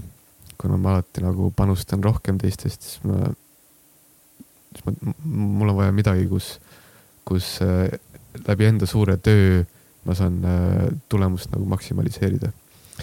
Sihuke lagi ees, see asi ei sobi sulle hästi, jah? jah, siis ma nagu tol hetkel, sest raamatu müümine ongi tegelikult ettevõtlus mm. -hmm. siis tol hetkel ma tundsin, et, et kurat, ma nagu tahan teha mingit oma asja tahan nagu nullist midagi nagu suurt teha. siis, kui Martin mu juurde jutuga tuli, sai nagu rusikas silmaauku. ja siis, kui ta küsis mu käest, et kuule, et mul on sihuke nagu business idee ja äriidee ja kas tahad, et teeme koos autopesu kõlab nii seksikalt siis tol hetkel ma, ma arvan, mul silm ei, silm ei pilkunud ka, ma ütlesin talle kohe, et davai, teeme ära muidugi muidugi ma olengi seda oodanud aga tol hetkel noh, jälle sihuke, sihuke samasse auku nagu see golfi asi, et ma, mul endal tol hetkel autot ei olnud. ma olin autopesulas, olin kaks korda käinud Ameerikas. Super, juba kvalifitseerunud. jah, ja see oli see harjapesula ka, siis ma ise ei pidanud mitte midagi tegema. ja siis tagasi vaadates mõtledki, et kaks inimest, kes autopesu väga kauged inimesed mõtlevad, et teevad midagi suurt ära. aga samamoodi, kurat äh,, oligi niiviisi, et siis me võtsime Aleksise paati, Aleksi ise veel helistas Martinile, et kuule, et mis asja, teete Valjoga mingit asja ja mulle ei olegi öelnud nagu. Sai kurjaks Martin oligi nii või? okei aga siis me mõtlesime Martiniga, et, et okei okay,, et kurat, et, äh, et nagu me kõik kolm oleme ägedad, aga kui meie oskused nagu dubleeruvad, siis, äh, siis me muutume kasut-, äh, kasututeks aga et Aleks... kui te kõik pakute nagu ainult sama väärtust, sa mõtled või? jah mm, -hmm. aga tegelikult oligi nii, et Aleksis äh, äh, ongi rohkem sihuke inseneri tüüpi inimene, noh, mingit mehaanikat ja asju nagu jagab väga hästi. ja siis meil oligi tegelikult vaja sellist inimest, kes, äh, kes need kaubikud nagu kuskil mingi, mingi mudeli looks ja kuidagi üles ehitaks või noh, ütleks mulle ja Martinile, mis naela kuhu lüüa mm. -hmm nii et äh, see oli maru hea lõppkokkuvõttes, et, et ta tuli niiviisi, helistas Martinile. aga miks sa veel jah ütlesid, et sa küll, noh, sinu elutee oli viinud sind selle hetkeni välja, kus sa olid saanud palju õppetunde ja, ja ka palju kõrvetada teatud unistuste ääres ja sa lõpuks jõudsid selleni, et sa oled loodud ettevõtlust tegema et äh, kas ainult sellest piisaski sulle, et öelda Martinile jah, et nagu, aa, ma tahan business'it teha või oli midagi enamat, miks sa just nendega otsustasid seda asja teha? tol hetkel mul oli, mul oli kaks varianti veel ähm,. Äh, Ottomar Tamm, üks mu vana koolikaaslane, hea sõber kes on meil ka saates käinud.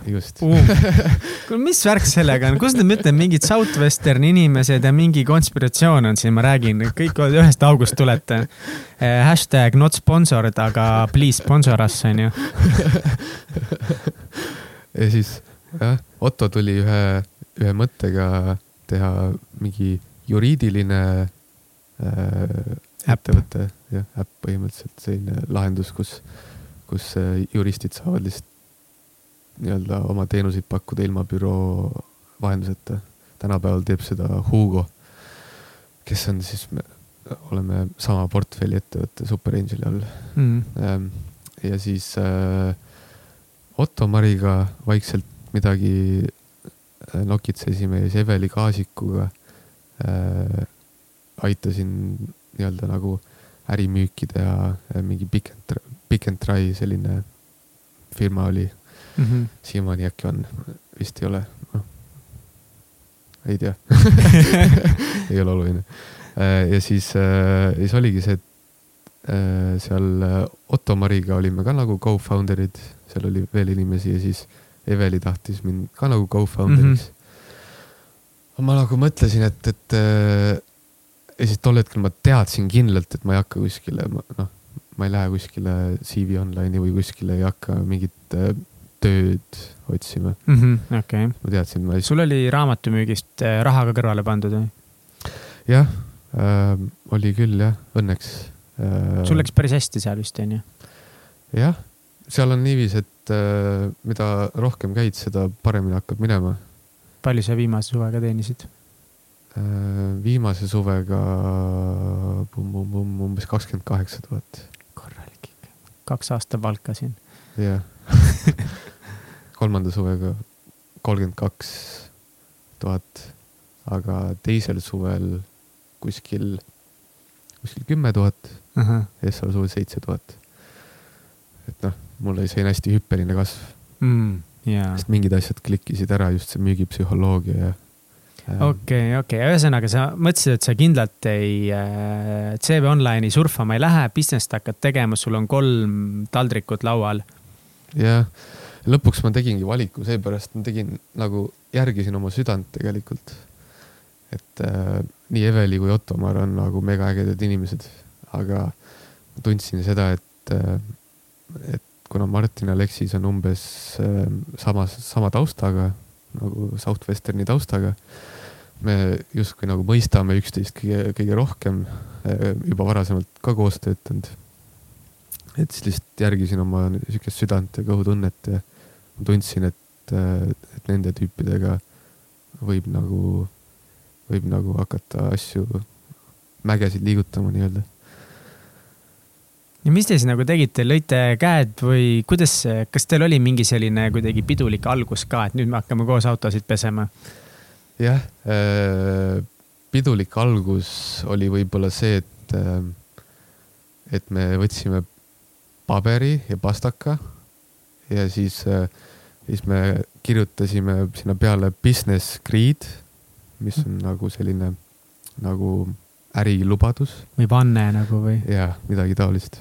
et raamatumüügis seda tehti iga suve eel, kus sa lubasid oma mänedžerile, et sa teed neid asju, neid asju ja siis me tegime siukse paberi, siis me kirjutasime nagu, mida Valjo lubab, mida Martin lubab, mida Aleksis lubab. ja siis me panimegi kirja, et äh, tegime siukse nagu, mitte nagu verevande, aga siukse paberi peal allkirjadega leping, noh, mitte lepingu, aga siukse jah, siukse lubaduse üksteisele, siukse mm -hmm. lubaduse, et me läheme all in, me ei lase jalga lõdvaks ja äh, alati austame üksteist, alati jääme sõpradeks äh,. ja nagu siiamaani see oli sihuke, noh sihuke väga äge asi, et äh, iga alustav mingi ettevõte, kus on rohkem kui üks äripartner, ma soovitan kindlasti teha mingi siukse, ka siukse lubaduse, et mm -hmm. mida, mida te nagu omavahel lubate kas te mingitel raskedel aegadel, kui te üksteise peale karjunud olete, olete selle paberi kuidagi kätte võtnud ja tagasi vaadanud siis sellele hetkele või on sellest siis kasu olnud, et te seda tegite? tegelikult on küll jah, äh, vahepeal oli küll, ma mäletan, mina vist äh, näitasin, seda Martinile ühel korral, äh, kui ta justkui nagu ei läinud nende punktidega nagu samasse kohta ja Martin vist näitas seda Alexisele ükskord või noh, paar korda a la see, et kuule, et me lubasime seda, vaata uh. -huh. nagu sa panid oma allkirja alla ja kurat, teeme nagu, teeme nii, nagu siin on, vaata. ja siis tegelikult sihuke reality check ka, et äh, noh, inimesed lähevad emotsionaalseks vahepeal, inimesed arvavad, et nad, nende arvamus on kõige olulisem või äh,. Aga sihuke jah, tulime vahepeal tagasi selle juurde ja, ja see hakkas, aitas mõista, et äh, kuhu me tegelikult, mida me tegelikult peaksime tegema räägi nagu sellest Upsteami algusest, sest ma saan aru, et eh, see idee oli siis Martinil jah? jah jah, ja tema vist meile saates rääkis ka sellest, et ta leidis USA-s nagu nägi sarnast asja mm. -hmm. aga kas te nagu teadsite siis, mida tegema hakata või mis, mis need nagu sammud olid, et eh, te olite küll paberi ära andnud, aga mis edasi sai? edasi sai niiviisi, et me hakkasime siis guugeldama Ehm, et me hakkasime otsima, et mis äh, variandid meil on. Äh, keskkonnaameti tõttu me esialgu ei julgenud äh, survepesu teha, sest öeldakse, et nii-öelda survekaga autot tänaval pesta linna eeskirja, hea, hea korra eesk-, eeskirjade järgi ei tohi mm. -hmm. siis me hakkasime mõtlema, et mis on nagu alternatiivne variant ja siis leidsime aurupesurid, aurumasinad. ja mille veekulu siis nii-öelda ühe pesu kohta pidi olema mingi kümme kuni viisteist liitrit. Mõtlesime, et oh, see ongi võti, see ongi nagu, me oleme, me oleme kullasoonel. ja siis äh, uurisime veidi veel, veidi veel ja siis lõpuks äh, lõpuks äge hetk oli see, mis pani meid kõiki rohkem pühenduma, oli see, kui äh, pidi esimene suur, suur väljaminek tegema. et eelnevalt noh, guugeldada ja lobiseda on vaata hea mm, -hmm. aga mhm. kui sa võtad reaalselt äh, pangaautomaadist kaks tuhat äh, eurot sulas välja, annad Alexisele pihku, et ta rentaliga käiks Itaalias ja ostaks aurumasina. ja siis, kui sa vaatad oma panga väljavõtet, mis sul on kaks tuhat vähem siis hakkad mõtlema, et nüüd tuleb see tagasi teenida. nüüd tuleb nüüd nagu, nüüd enam kaua magada ei saa ja nüüd peab hommikul vara ärkama ja kohe hakkab pihta. nii, Aleksi siis tõi Itaaliast teile mingi aurupesuri teile ära? jah, tõi selle ära ja siis äh, ja siis me hoidsime seda Alexise Mustamäe mingi korteris teisel, teisel korrusel ja siis liftiga viisime üles igal õhtul ja iga hommik võtsime uuesti välja. aga millega te siis käisite pesemas, kas ku,, kuidas te transportisite saurupesurit mööda linna mm,? Mm. esialgu oli veel naljakas see, et kui me hakkasime seda käima panema, me olime kõik nagu, nagu jõuluvana oleks toonud mingisuguse kingituse, me olime nii elevil. siis, siis tahtsime seda käima panna auto aku pealt, aga see ei õnnestunud, see ei võtnud voolu sisse. ja siis me lõpuks ühendasime kolm pikendusjuhet omavahel ja Aleksi teise korruse korterist saime, saime voolu seinast. niiviisi, et Martin tegi äh, mulle pätti ja Aleksis andis, võttis ülevalt vooli selle juhtme vastu. mis maja ees saite katsetada siis seda aurupesurit või? kaua see auto, ühe auto pesemiseks aega läks seal? oh, meil läks ikka tunde. me, me, me ei osanud mitte midagi. me ei saanud tollal veel aru ka, et et ainult aur ei tee seda autot puhtaks, et on vaja mingit äh, kemikaali või mingit lubrikanti ka sinna, mis lahustab need must, mustused lahti et, et see ikka päris naljakas. aga siis äh,, siis me, Aleksis õnneks teadis, et, et meil on vaja ähm, mingit masinat, kuhu see masin, noh, meil on vaja autot, kuhu see masin mm -hmm. peale panna. ostsime mingisuguse kasutatud äh, piruka ja ehitus läks nagu pihta. Mis oli, oli peamiselt äh, Martini ja Alexise kätetöö, sest äh, mina, mulle need ehitamise asjad äh, väga ei, ei istu sa oled rohkem jutumees või? ma jah, olin rohkem see, kes käis, üritas mingeid esimesi kliente saada. aga kas te nagu arvasite ka, et keegi reaalselt ostab ka seda või, või mis see nagu plaan oli, kas te panite ka mingisuguse deadline'i endale, et et okei okay,, me hakkame asju tegema, millest me mitte midagi ei tea, eks ole. ja te ei teadnud ka tegelikult väga, kuidas seda siis tegema hakata, aga kas mingisugune nagu pidepunkt oli pandud, davai, et proovime paar aastat või et proovime aasta või? meil sellist eesmärki alguses nagu üldse ei olnud. et lihtsalt vaatab, mis saab mm? -hmm. Mm -hmm. me olime täiesti kui, kui mõni kuulaja tahab ka oma mingit asja teha, siis äh, alguses sa, sa ei oska üle mõelda. sa ei oska nagu võib-olla nii spetsiifiliselt mingeid eesmärke panna. noh, nüüd tagantjärgi tegelikult ma oleks võinud panna, võib-olla me panime ka midagi, mul praegu nagu ei köida küll midagi, et ma oleks äh, pannud, aga me hakkasime nii-öelda tuttavatele seda promoma. ma mäletan, Martin äh, postitas kõikjale sotsiaalmeediasse omale, kõik grupid postitas läbi, raamatumüüjate grupid, kõik asjad, et äh, tellige, tellige, tellige. ja siis nad hakkasid, äh, mõned hakkasid tellima ja hakkasid usaldama ja siis eks me, eks me vaikselt niiviisi käisime ise pesemas ja üritasime parimat teenindust teha ja. kriipisite mõned autod ära ka või? no ma arvan kindlasti mitte nagu Sorry nagu,, esimesed kliendid või? jah, mitte nagu teadlikult ja mitte nagu tahtlikult äh,. aga võib-olla midagi kriipisime, jah.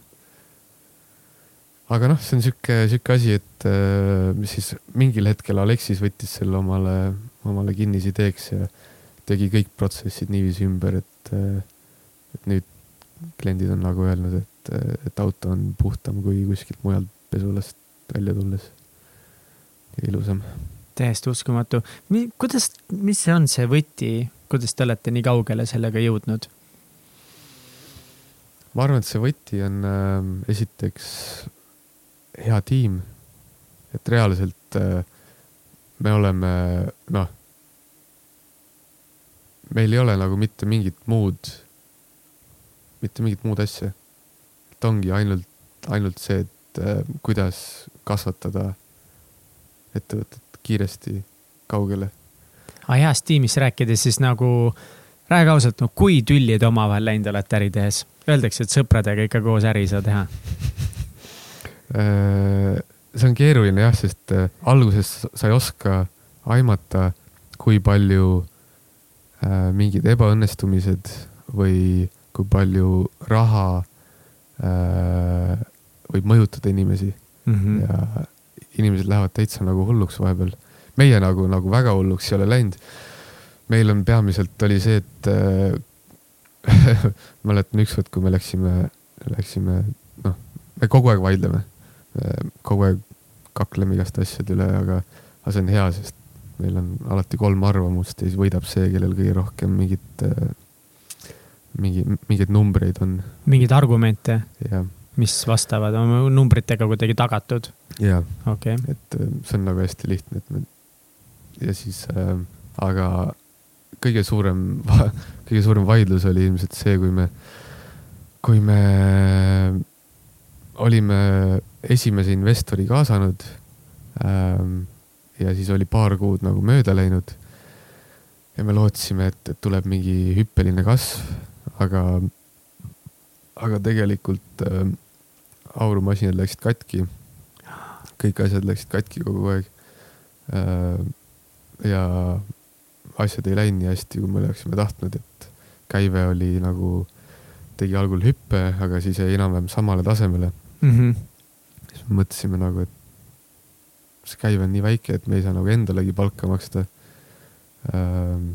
töötajad saavad oma palgad ja kõik asjad, aga kogu kasum läheb nagu juurde arendusteks või remontimisteks või noh, sihuke täiesti nagu jabur asi, mõtled, et sa hommikust õhtuni rassid ja mitte midagi paremaks ei lähe nagu mm. jooksed sihuke nagu orava rattas lihtsalt ringi. ja siis oligi, istusime maha ähm, äh, Aleksis ütleski, et äh, kuti, et nagu persse raisk, et kaua ma parandan neid masinaid nagu täiesti, täiesti mõttetu.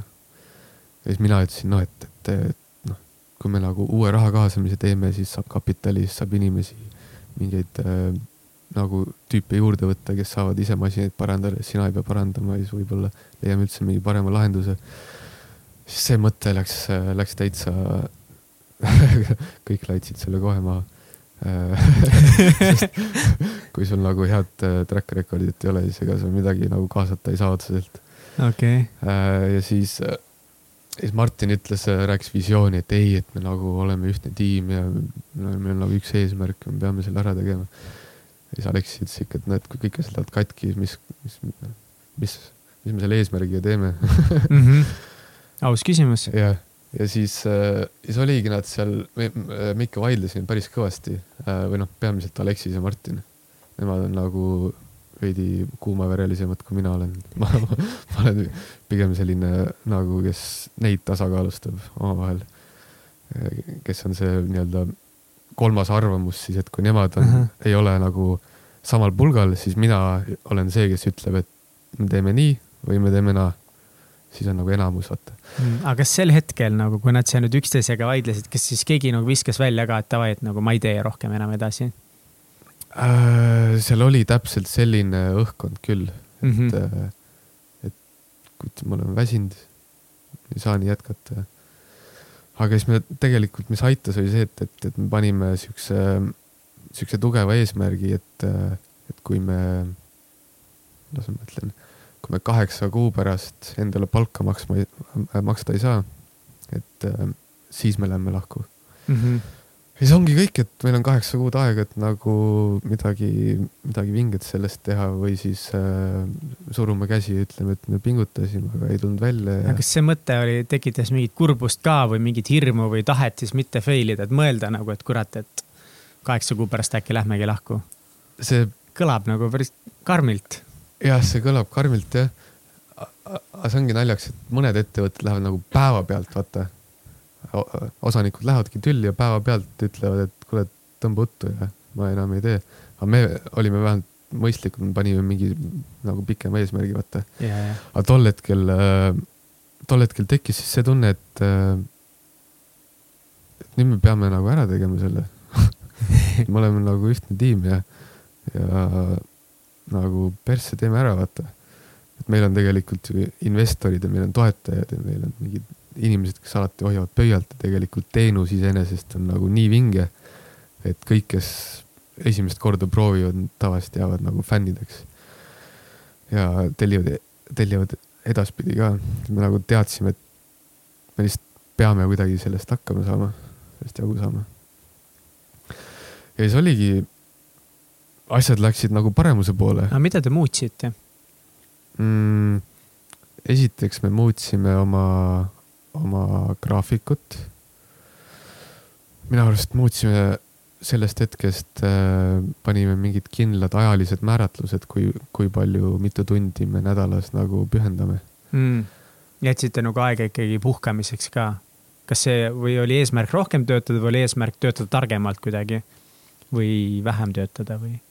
Siis oli eesmärk töötada rohkem ah,. see oli rohkem ah,, niipidi jah, okei okay.. minu arust oli see aeg, kus me hakkasime leppima kokku, et okei okay,, et nüüd sellest hetkest alates me ähm, hommikul, kas oli kell kaheksa, iga hommik kell kaheksa teeme väikse miitingu.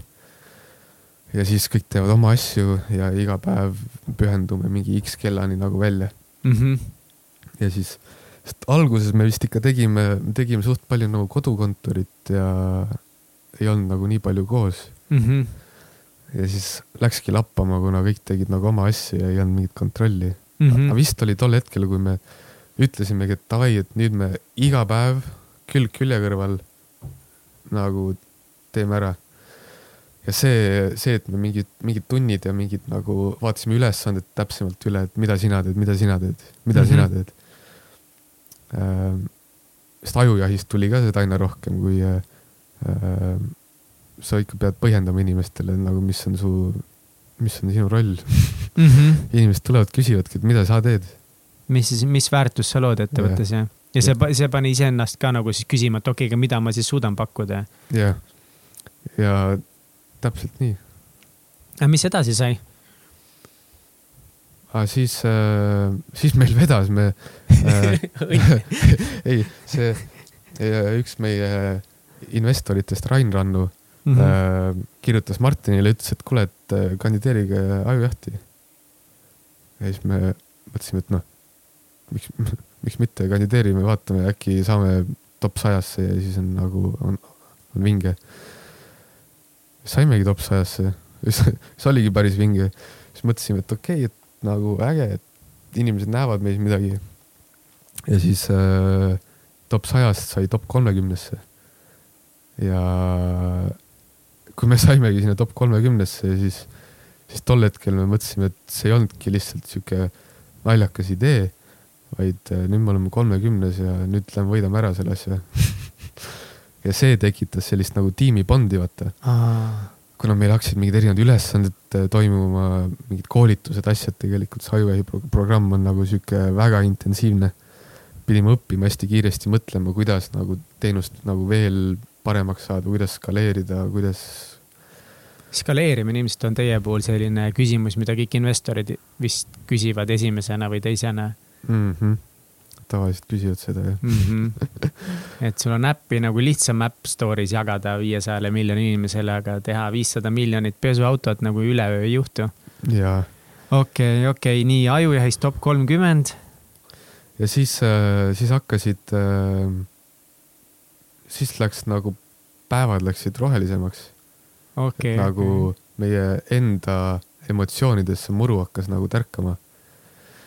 ja siis äh, siis oligi, me tegelikult tol hetkel hakkasimegi kasvama käibe, käibe mõttes ka äh, isegi Ajujaht polnud veel eetris, et me polnud nagu eetriaega veel nii palju saanud, aga, aga me hakkasime mingeid asju õigesti tegema, kliendid hakkasid rohkem tellima. Hakkasime mingeid äh, ärikliente ka saama.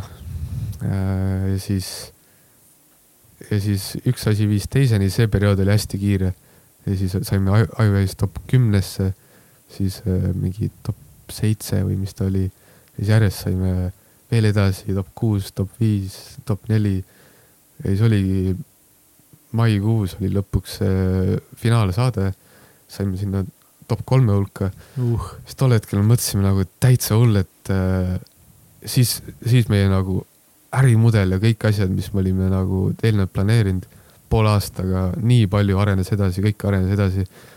tol hetkel me pidime nagu ühe nädalaga mingisuguse hüppe tegema. siis pidime kiiresti mõtlema mingi frantsiisi mudeli välja, mingi frantsiisi lepingud äh, saime, üks inimene, üks partner allkirjastas ära, et ta on nagu äh, nõus frantsiisi võtma, nagu siuksed asjad. Kõik juhtus nagu ülikiiresti. aga noh, siis me saime aru, et meil ei ole veel frantsiisitavat äh, nagu. toodet. jah ja siiamaani noh niikaua, kuni meil äppi ja sellist äh, Helsingi peal tõestatud laienemismudelit ei mm -hmm. ole, mhm. siis meil veel ei ole, mida frantsiisida, aga. aga ma vaatan, et sa oled täna veel siin, et te laiali läinud, et mis hetkel te saite endale siis hakata palka maksma? See oligi, kui me, kui see raske vestlus oli, oli kuskil detsembris yeah., siis äh, palka saime hakata maksma alates äh, juulist, et me sättisime eesmärgiks august aga tegelikult äh, alates juulist saime juba hakata maksma. ja see oligi vinge, sest et. Äh, no, no ilmselt jah, et nagu ilma, sest esimesed investori rahad olid juba teise kaubiku peale ära kulutatud ja kõikide laie, laienduste peale. et nagu oma käibest omale nagu palka maksta. see oli sihuke vinge tunne. see, et me teeme midagi õigesti mm. -hmm ülilahe. ja siis saime aru ka, et äh, meil ikka on šanssu et, et kõik ei ole kadunud, meil on šanssu. ja siis oli see hetk, kui, sest ma olin nagu mitu-mitu kuud järjest äh, üritanud öelda poistele, et nagu kasvunumbrid on, me kasvame umbes kakskümmend protsenti kuus, mis on nagu startup'ilt äh, noh. see on väga hea kasv. sihuke must have asi. Startup'i maailmas on ka see ikkagi hea kasv. jah yeah et me kasvame järjest-järjest, äh, meil on nagu võimalust veel rohkem kasvada, et äh, nüüd on aeg meil raha kaasata. aga noh, siis öeldi, et ei, ei, et nagu, mida sa ajad, et ei kaasa, ei kaasa mingit raha. me peame nagu ise kasumlikud olema, me peame oma käibest selle laienemise ära nagu tegema. aga mida rohkem aeg edasi läks, ma suutsin rohkem mingeid argumente sinna taha nagu äh, tekitada. ja siis Martin tuli kaasa minuga ühest hetkest, ta oli, et ai, et teeme ära ja siis Martin nagu pani hästi palju effort'it sinna sisse. ja siis, siis lõpuks tuli Aleksis tuli ka kaasa. siis mõtlesime, davai, et nüüd teeme ära, nagu nüüd teeme ära. ja siis me Martiniga lihtsalt mingi poolteist kuud nagu prep isime, käisime igal üritusel, üritasime iga inimesega jutule saada. mingi fondi investoritele helistasime, et tere, et äh, Valjo, et äh, tahad, tulen pesen su auto ära ja siis võib-olla saame viis minutit rääkida. noh, mingid täiesti X asju tegime, et, et mingid. aga jumala kaval viis, kuidas saada nagu audients, nagu olid nõus minema pesema auto tasuta ära, et temaga juttu saada või? okei okay,, nice. täpselt nii oligi, see oligi meie nagu intro, et äh, kas sul on kakskümmend minutit, et äh, Rain ütles, et sa oled hea inimene, kellega rääkida äh,. ja miitingu ajal ja siis sa saad pärast puhta autoga ära sõita, et teeme sellega tasuta ära sulle ja noh, siis inimestel on juba see, et okei okay,, et kui mingisugune referral ütles, et minuga on hea rääkida, kakskümmend minutit ei võta kaua aega ja pesed auto puhtaks, noh. jess, jess, jess, vaata inimesed leidsid aega ja, aga see oli ikka, see oli ikka nagu väga-väga crazy ähm,. alguses me mõtlesime, et me, meil on vaja mingi sada seitsekümmend kuus tuhat eurot mm. -hmm. Äh, aga siis hakkasime järjest rohkem neid numbreid nagu kokku panema. sest mina tavaliselt nagu tegelesin numbritega, siis ma kutsusin Martini enda juurde, et kuule, et võib-olla nagu siia tegelikult kulub rohkem, et me alahindame. kutsusin Aleksis, et kuule, et nagu pesutoodetega, ma arvan, me alahindame. Et on vaja ikka rohkem ja, ja siis äh, lõpuks saimegi Martini ja Aleksisega paika selle, et kui kahte välisturgu vaja ära valideerida, siis on, on vaja umbes pool miljonit nagu kuidas sa vaatad Martinile ja Aleksile otsa ja meil on pool miljonit vaja, see on haigelt suur raha. tundus, et see on võimalik või, või tol hetkel juba olite nii palju rääkinud inimestega, kes tegelikult palju suuremate rahadega mängivad, et see tundus võimalik või? Jah, see, see tegelikult tundus nagu juba see sada seitsekümmend kuus tuhat tundus utoopiline yeah.. me ütlesime ajujahis vist seal, äh, ütlesime, et sada kaheksakümmend tuhat on meil nagu vaja.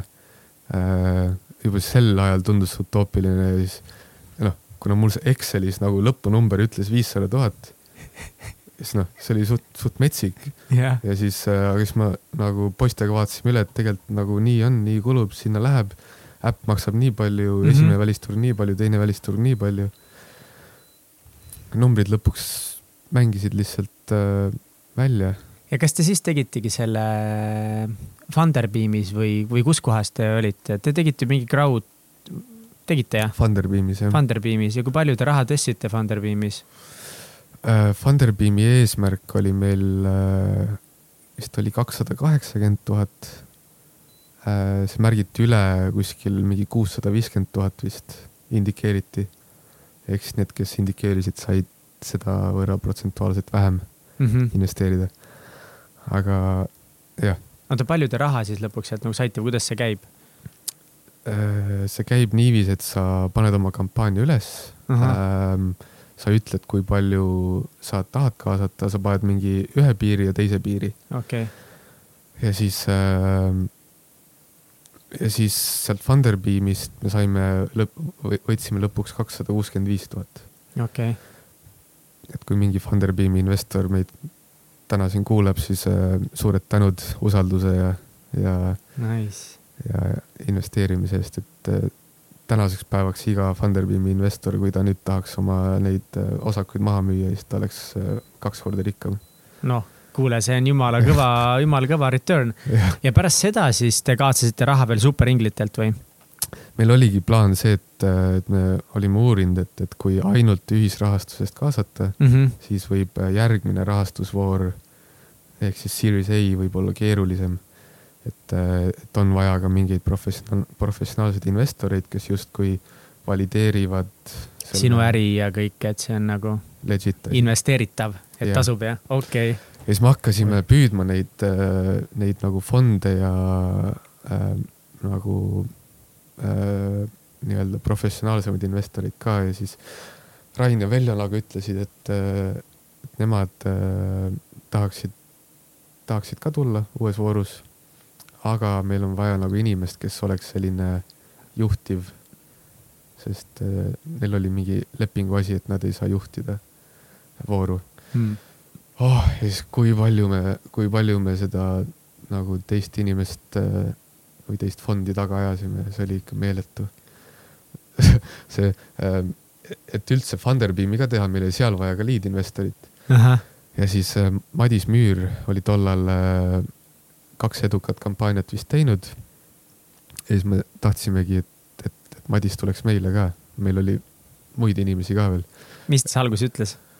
Aga see oli naljakas, me olime Pärnus ühel äh, Eesti äriinglite nagu kohtumisel, kus me tegelikult, me olime ainuke startup seal mm. -hmm. see oli tegelikult ainult investoritele mõeldud mm. -hmm. ma ei tea, miks äh,, siiamaani väga tänulik äh, Estbani, Estbani presidendile, kes lubas meil sinna tulla ja siis seal õhtul oli äh, selline nagu saunaõhtu ka. ja siis ma mäletan, ma seal Madis Müüri ikka üritasin moosida ja, ja seal käisime mingi käisime mullivannis veel ja siis ma seal moosisin, noh, nagu üritasin nagu mingi tavaelu asjadest ka rääkida, et, et, et, et nagu mitte liiga palju müüa.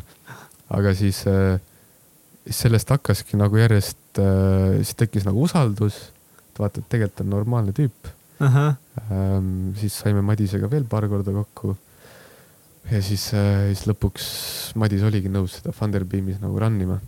Mm.. ja siis Heidi Kakko äh, ühe soovituse järgi saime Henri Treude, Treudega kokku, kes siis äh,, kes siis oli nõus justkui Super Angeli fondi nagu see validaator olema.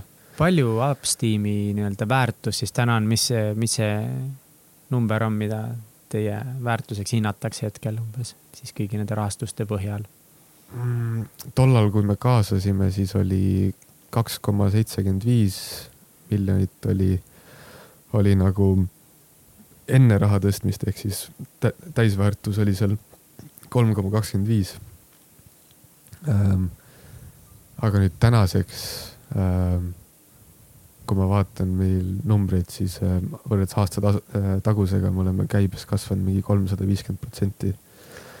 ehk siis nagu edasiminek on olnud väga suur, nüüd me oleme Soomes mm. -hmm. see nädalavahetus meil see linnajuht teeb oma seal tiimiga sada pesu juba ehk siis äh, meil äpp saab kohe valmis, eks ole mm. -hmm. ja siis meil on selline uus teenus on ka välja tulemas äh,, mida suvel Tallinna linna peal juba ilmselt saab näha jalgrataste ja Upsteami kottidega pesumeistrid ringi sõitmas, et ja see muudab meie teenuse nagu niivõrd skaleeritavamaks. Et kui me tahame, kui meil Soome näol on mudel on olemas, siis äh, saame tegelikult mingisse kümnesse riiki korraga minna mm. -hmm. et ei ole enam seda, et me peame kaubikuid tegema, vaid on see, et pumm ja läheb ja lihtsalt. Täiesti haige, mida annab teha pealtnäha nagu noh, lihtsa teenuse, kuigi tegelikult nagu sinuga eelnevalt ja Martiniga omal ajal rääkides oh,, omal ajal. ah, üheksakümnendate Martin raisk ikka, uh, need olid ajad. et noh, tegelikult justkui eh, lihtne teenus, noh, tegelikult on palju nüansse auto pesemisel, aga see, mis te teinud olete lihtsa asja nagu auto pesemine, te olete sihukese innovatsiooni sinna toonud ja, ja te olete teinud startup'i sellest ja veel see, kus te täna olete ja kuhu te liigute, on, on nii, nii, nii vinge, et. Ma, see on jah, Martiniga rääkis ka, ma pärast ka ikka mingi olin mingi kurat mees, nagu see on haige. mis sa oled kõige rohkem täna õppinud Upsteami saagast ja seiklusest, elust ähm,? ma arvan, inimesena ma olen edasi arenenud selles võtmes, et, et ma hästi kiiresti olen õppinud otsuseid hakkama nagu vastu võtma. Eh, ehk siis see on nagu individuaalne pool mm. -hmm. ja ma olen õppinud paremini kogu seda ettevõtlust nagu tervikuna. aga, aga muidu Upsteami tehes, mis ma õppinud olen, mul läks mõttelõng korraks ära ei ole hullu, ei ole hullu.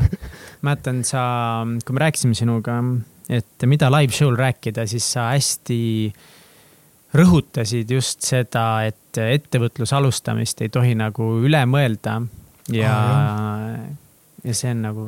see on üks asi jah, mida võib-olla kõige rohkem olengi õppinud, et, et lihtsalt peabki alustama nagu mitte miski ei äh,, keegi teine ei saa sinu unistusi ja eesmärke täita, aga ainult sina saad. minu arust nagu see, kui, kui kahekümne aasta pärast sa vaatad tagasi ja kahetsed midagi, siis on see, et kurat, ise oled loll, vaata. no mm -hmm. tegelikult on, vaata, see on mm -hmm. võib-olla karm öelda, aga inimesed, kes kahetsevad mingeid asju, nagu ma armastan väga inimesi, aga mul ei ole üldse nagu suurt austust nende vastu Äh, kes äh, kahetsevad midagi, mida nad ei julgenud teha. kui sa oled nagu inimene ja kui sa julged äh,, julged pärast kahetseda, siis julge ka see asi nagu ette võtta ja ära teha. Tegelikult ei ole raske, see on lihtsalt hirm, väike hirm, mis sul südames nagu pulbitseb, aga, aga kedagi ei koti, sina kahe, sina kümne aasta pärast, sina kahekümne aasta pärast, sind ei koti see väike mm -hmm. hirm, pigem kotib see, et sa saad vaadata tagasi kümne aasta pärast ja mõelda, et ma olen nagu nii tänulik, et kümme aastat noorem mina selle otsuse vastu võttis. tegelikult selle ära tegi ja selle raske sammu võttis. Boom, Valjo Kütne, damn. tead, mis aeg nüüd on? nüüd on selline aeg, on välkküsimuste aeg. oh sa poiss. oh sa poiss, oled sa valmis välgutama? jah. ma ei tea, mis kuradi väljendit ma täna siin kasutan Valjo kas sul on olulisi rutiine või harjumusi, mida sa teed igapäevaselt või iganädalaselt? olulisi rutiine või harjumusi ähm... naljaks on see, et äh, mu elukaaslane Katre eelmine nädal veel ütles, et kuule, Valja, et kui see küsimus nüüd Mihkel või Katrin su käest küsib, siis äh, oska sellele vastata, vaata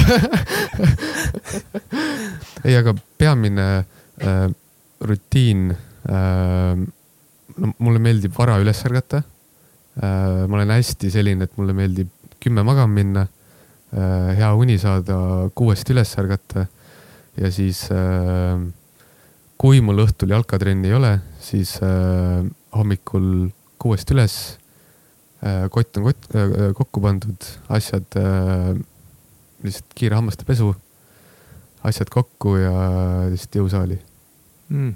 niiviisi, et mingi kuus viisteist, kuus kolmkümmend juba jõusaalis ja siis seitse nelikümmend viis väljas ja kaheksa tööl. et selline nagu kiire algus päevale on, on selline asi, mis mulle väga meeldib.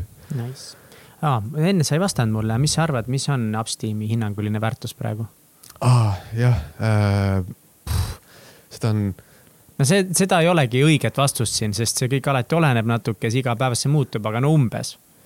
kui ma peaksin mingisuguse numbri ütlema ähm,, siis ma arvan, et, et äh, tänane väärtus kuskil viie, kuue, seitsme juures äkki. Nice, ülikõva ikka tuleb kohe, rõõm tuleb peale. milles sa väga hea ei ole mm,? inimesed ütlevad mulle vahepeal, et ma olen nagu liiga hea inimene. ehk siis ma äh,, mul on raske öelda ei, kui äh,, kui keegi midagi palub sellepärast sa meil siin live show'le tulidki üldse ei taha, aga kurat, õnneks ütles jah aga õnneks äh, Martin on mind äh,, ta on mind korduvalt ette võtnud ja nagu öelnud, et Valjo, et kaitse, kaitse oma aega, nagu kaitse omaenda kohustusi. et äh, on okei okay öelda ei, nagu ütle inimestele lihtsalt ei, et sul on oma asjad, kaitse, kaitse oma aega. Ja sellega, noh, ma olen hästi palju arenenud selles mõttes, et äh, ma oskan sõpradele rohkem ei ka öelda Eh, mille üle sa oled kõige uhkem oma elus mm,? ma arvan, kõige uhkem olen ma selle üle, et, ähm, et mul on selline nagu töötegija mentaliteet, ma arvan mm.. ma arvan, et äh, hard work nagu always beats talent. When talent, talent doesn't work hard, ehk mm -hmm. siis see on nagu selline asi, et ma võin lihtsalt lihtsalt nagu hulluks töötada, mis noh, võib-olla on mu üks äh, nõrkustest ka, et ma vahepeal ei oska nagu piiri pidada. et omal ajal oli, et ma saatsin õhtul, noh, päeval tegin töö ära ja siis jõudsin koju ja siis saatsin mingi pool ööd saatsin arveid veel enam-vähem klientidele, et äh, noh, sihuke vahepeal äh, liigne agarus on nagu ogarus mis on kõige pöörasem asi, mis sa teinud oled ja kas sa teeksid seda uuesti?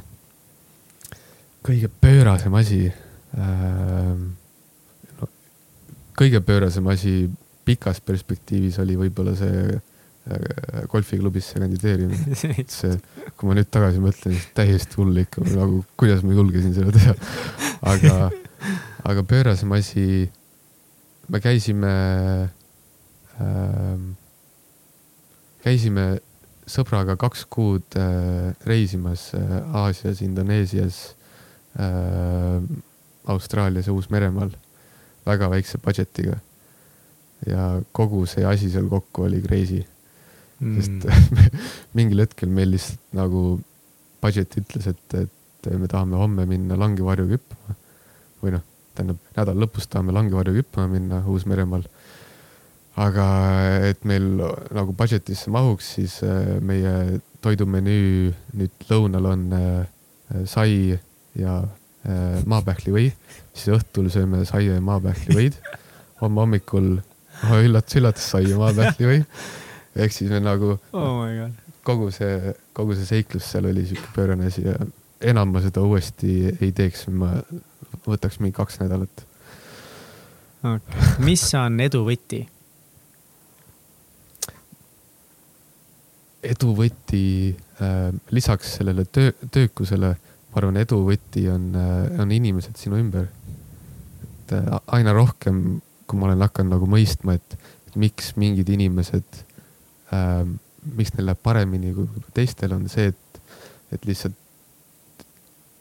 kui sa veedad aega õigete inimestega ja, ja siis sa justkui ise arened ja sulle peamine on see, et mingid uksed avanevad sulle, millest sa nagu ise ei, ei oska nagu arvatagi.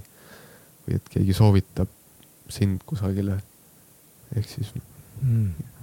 ma arvan, et see on hästi powerful. skaalal ühest kümneni. kui veider sa oled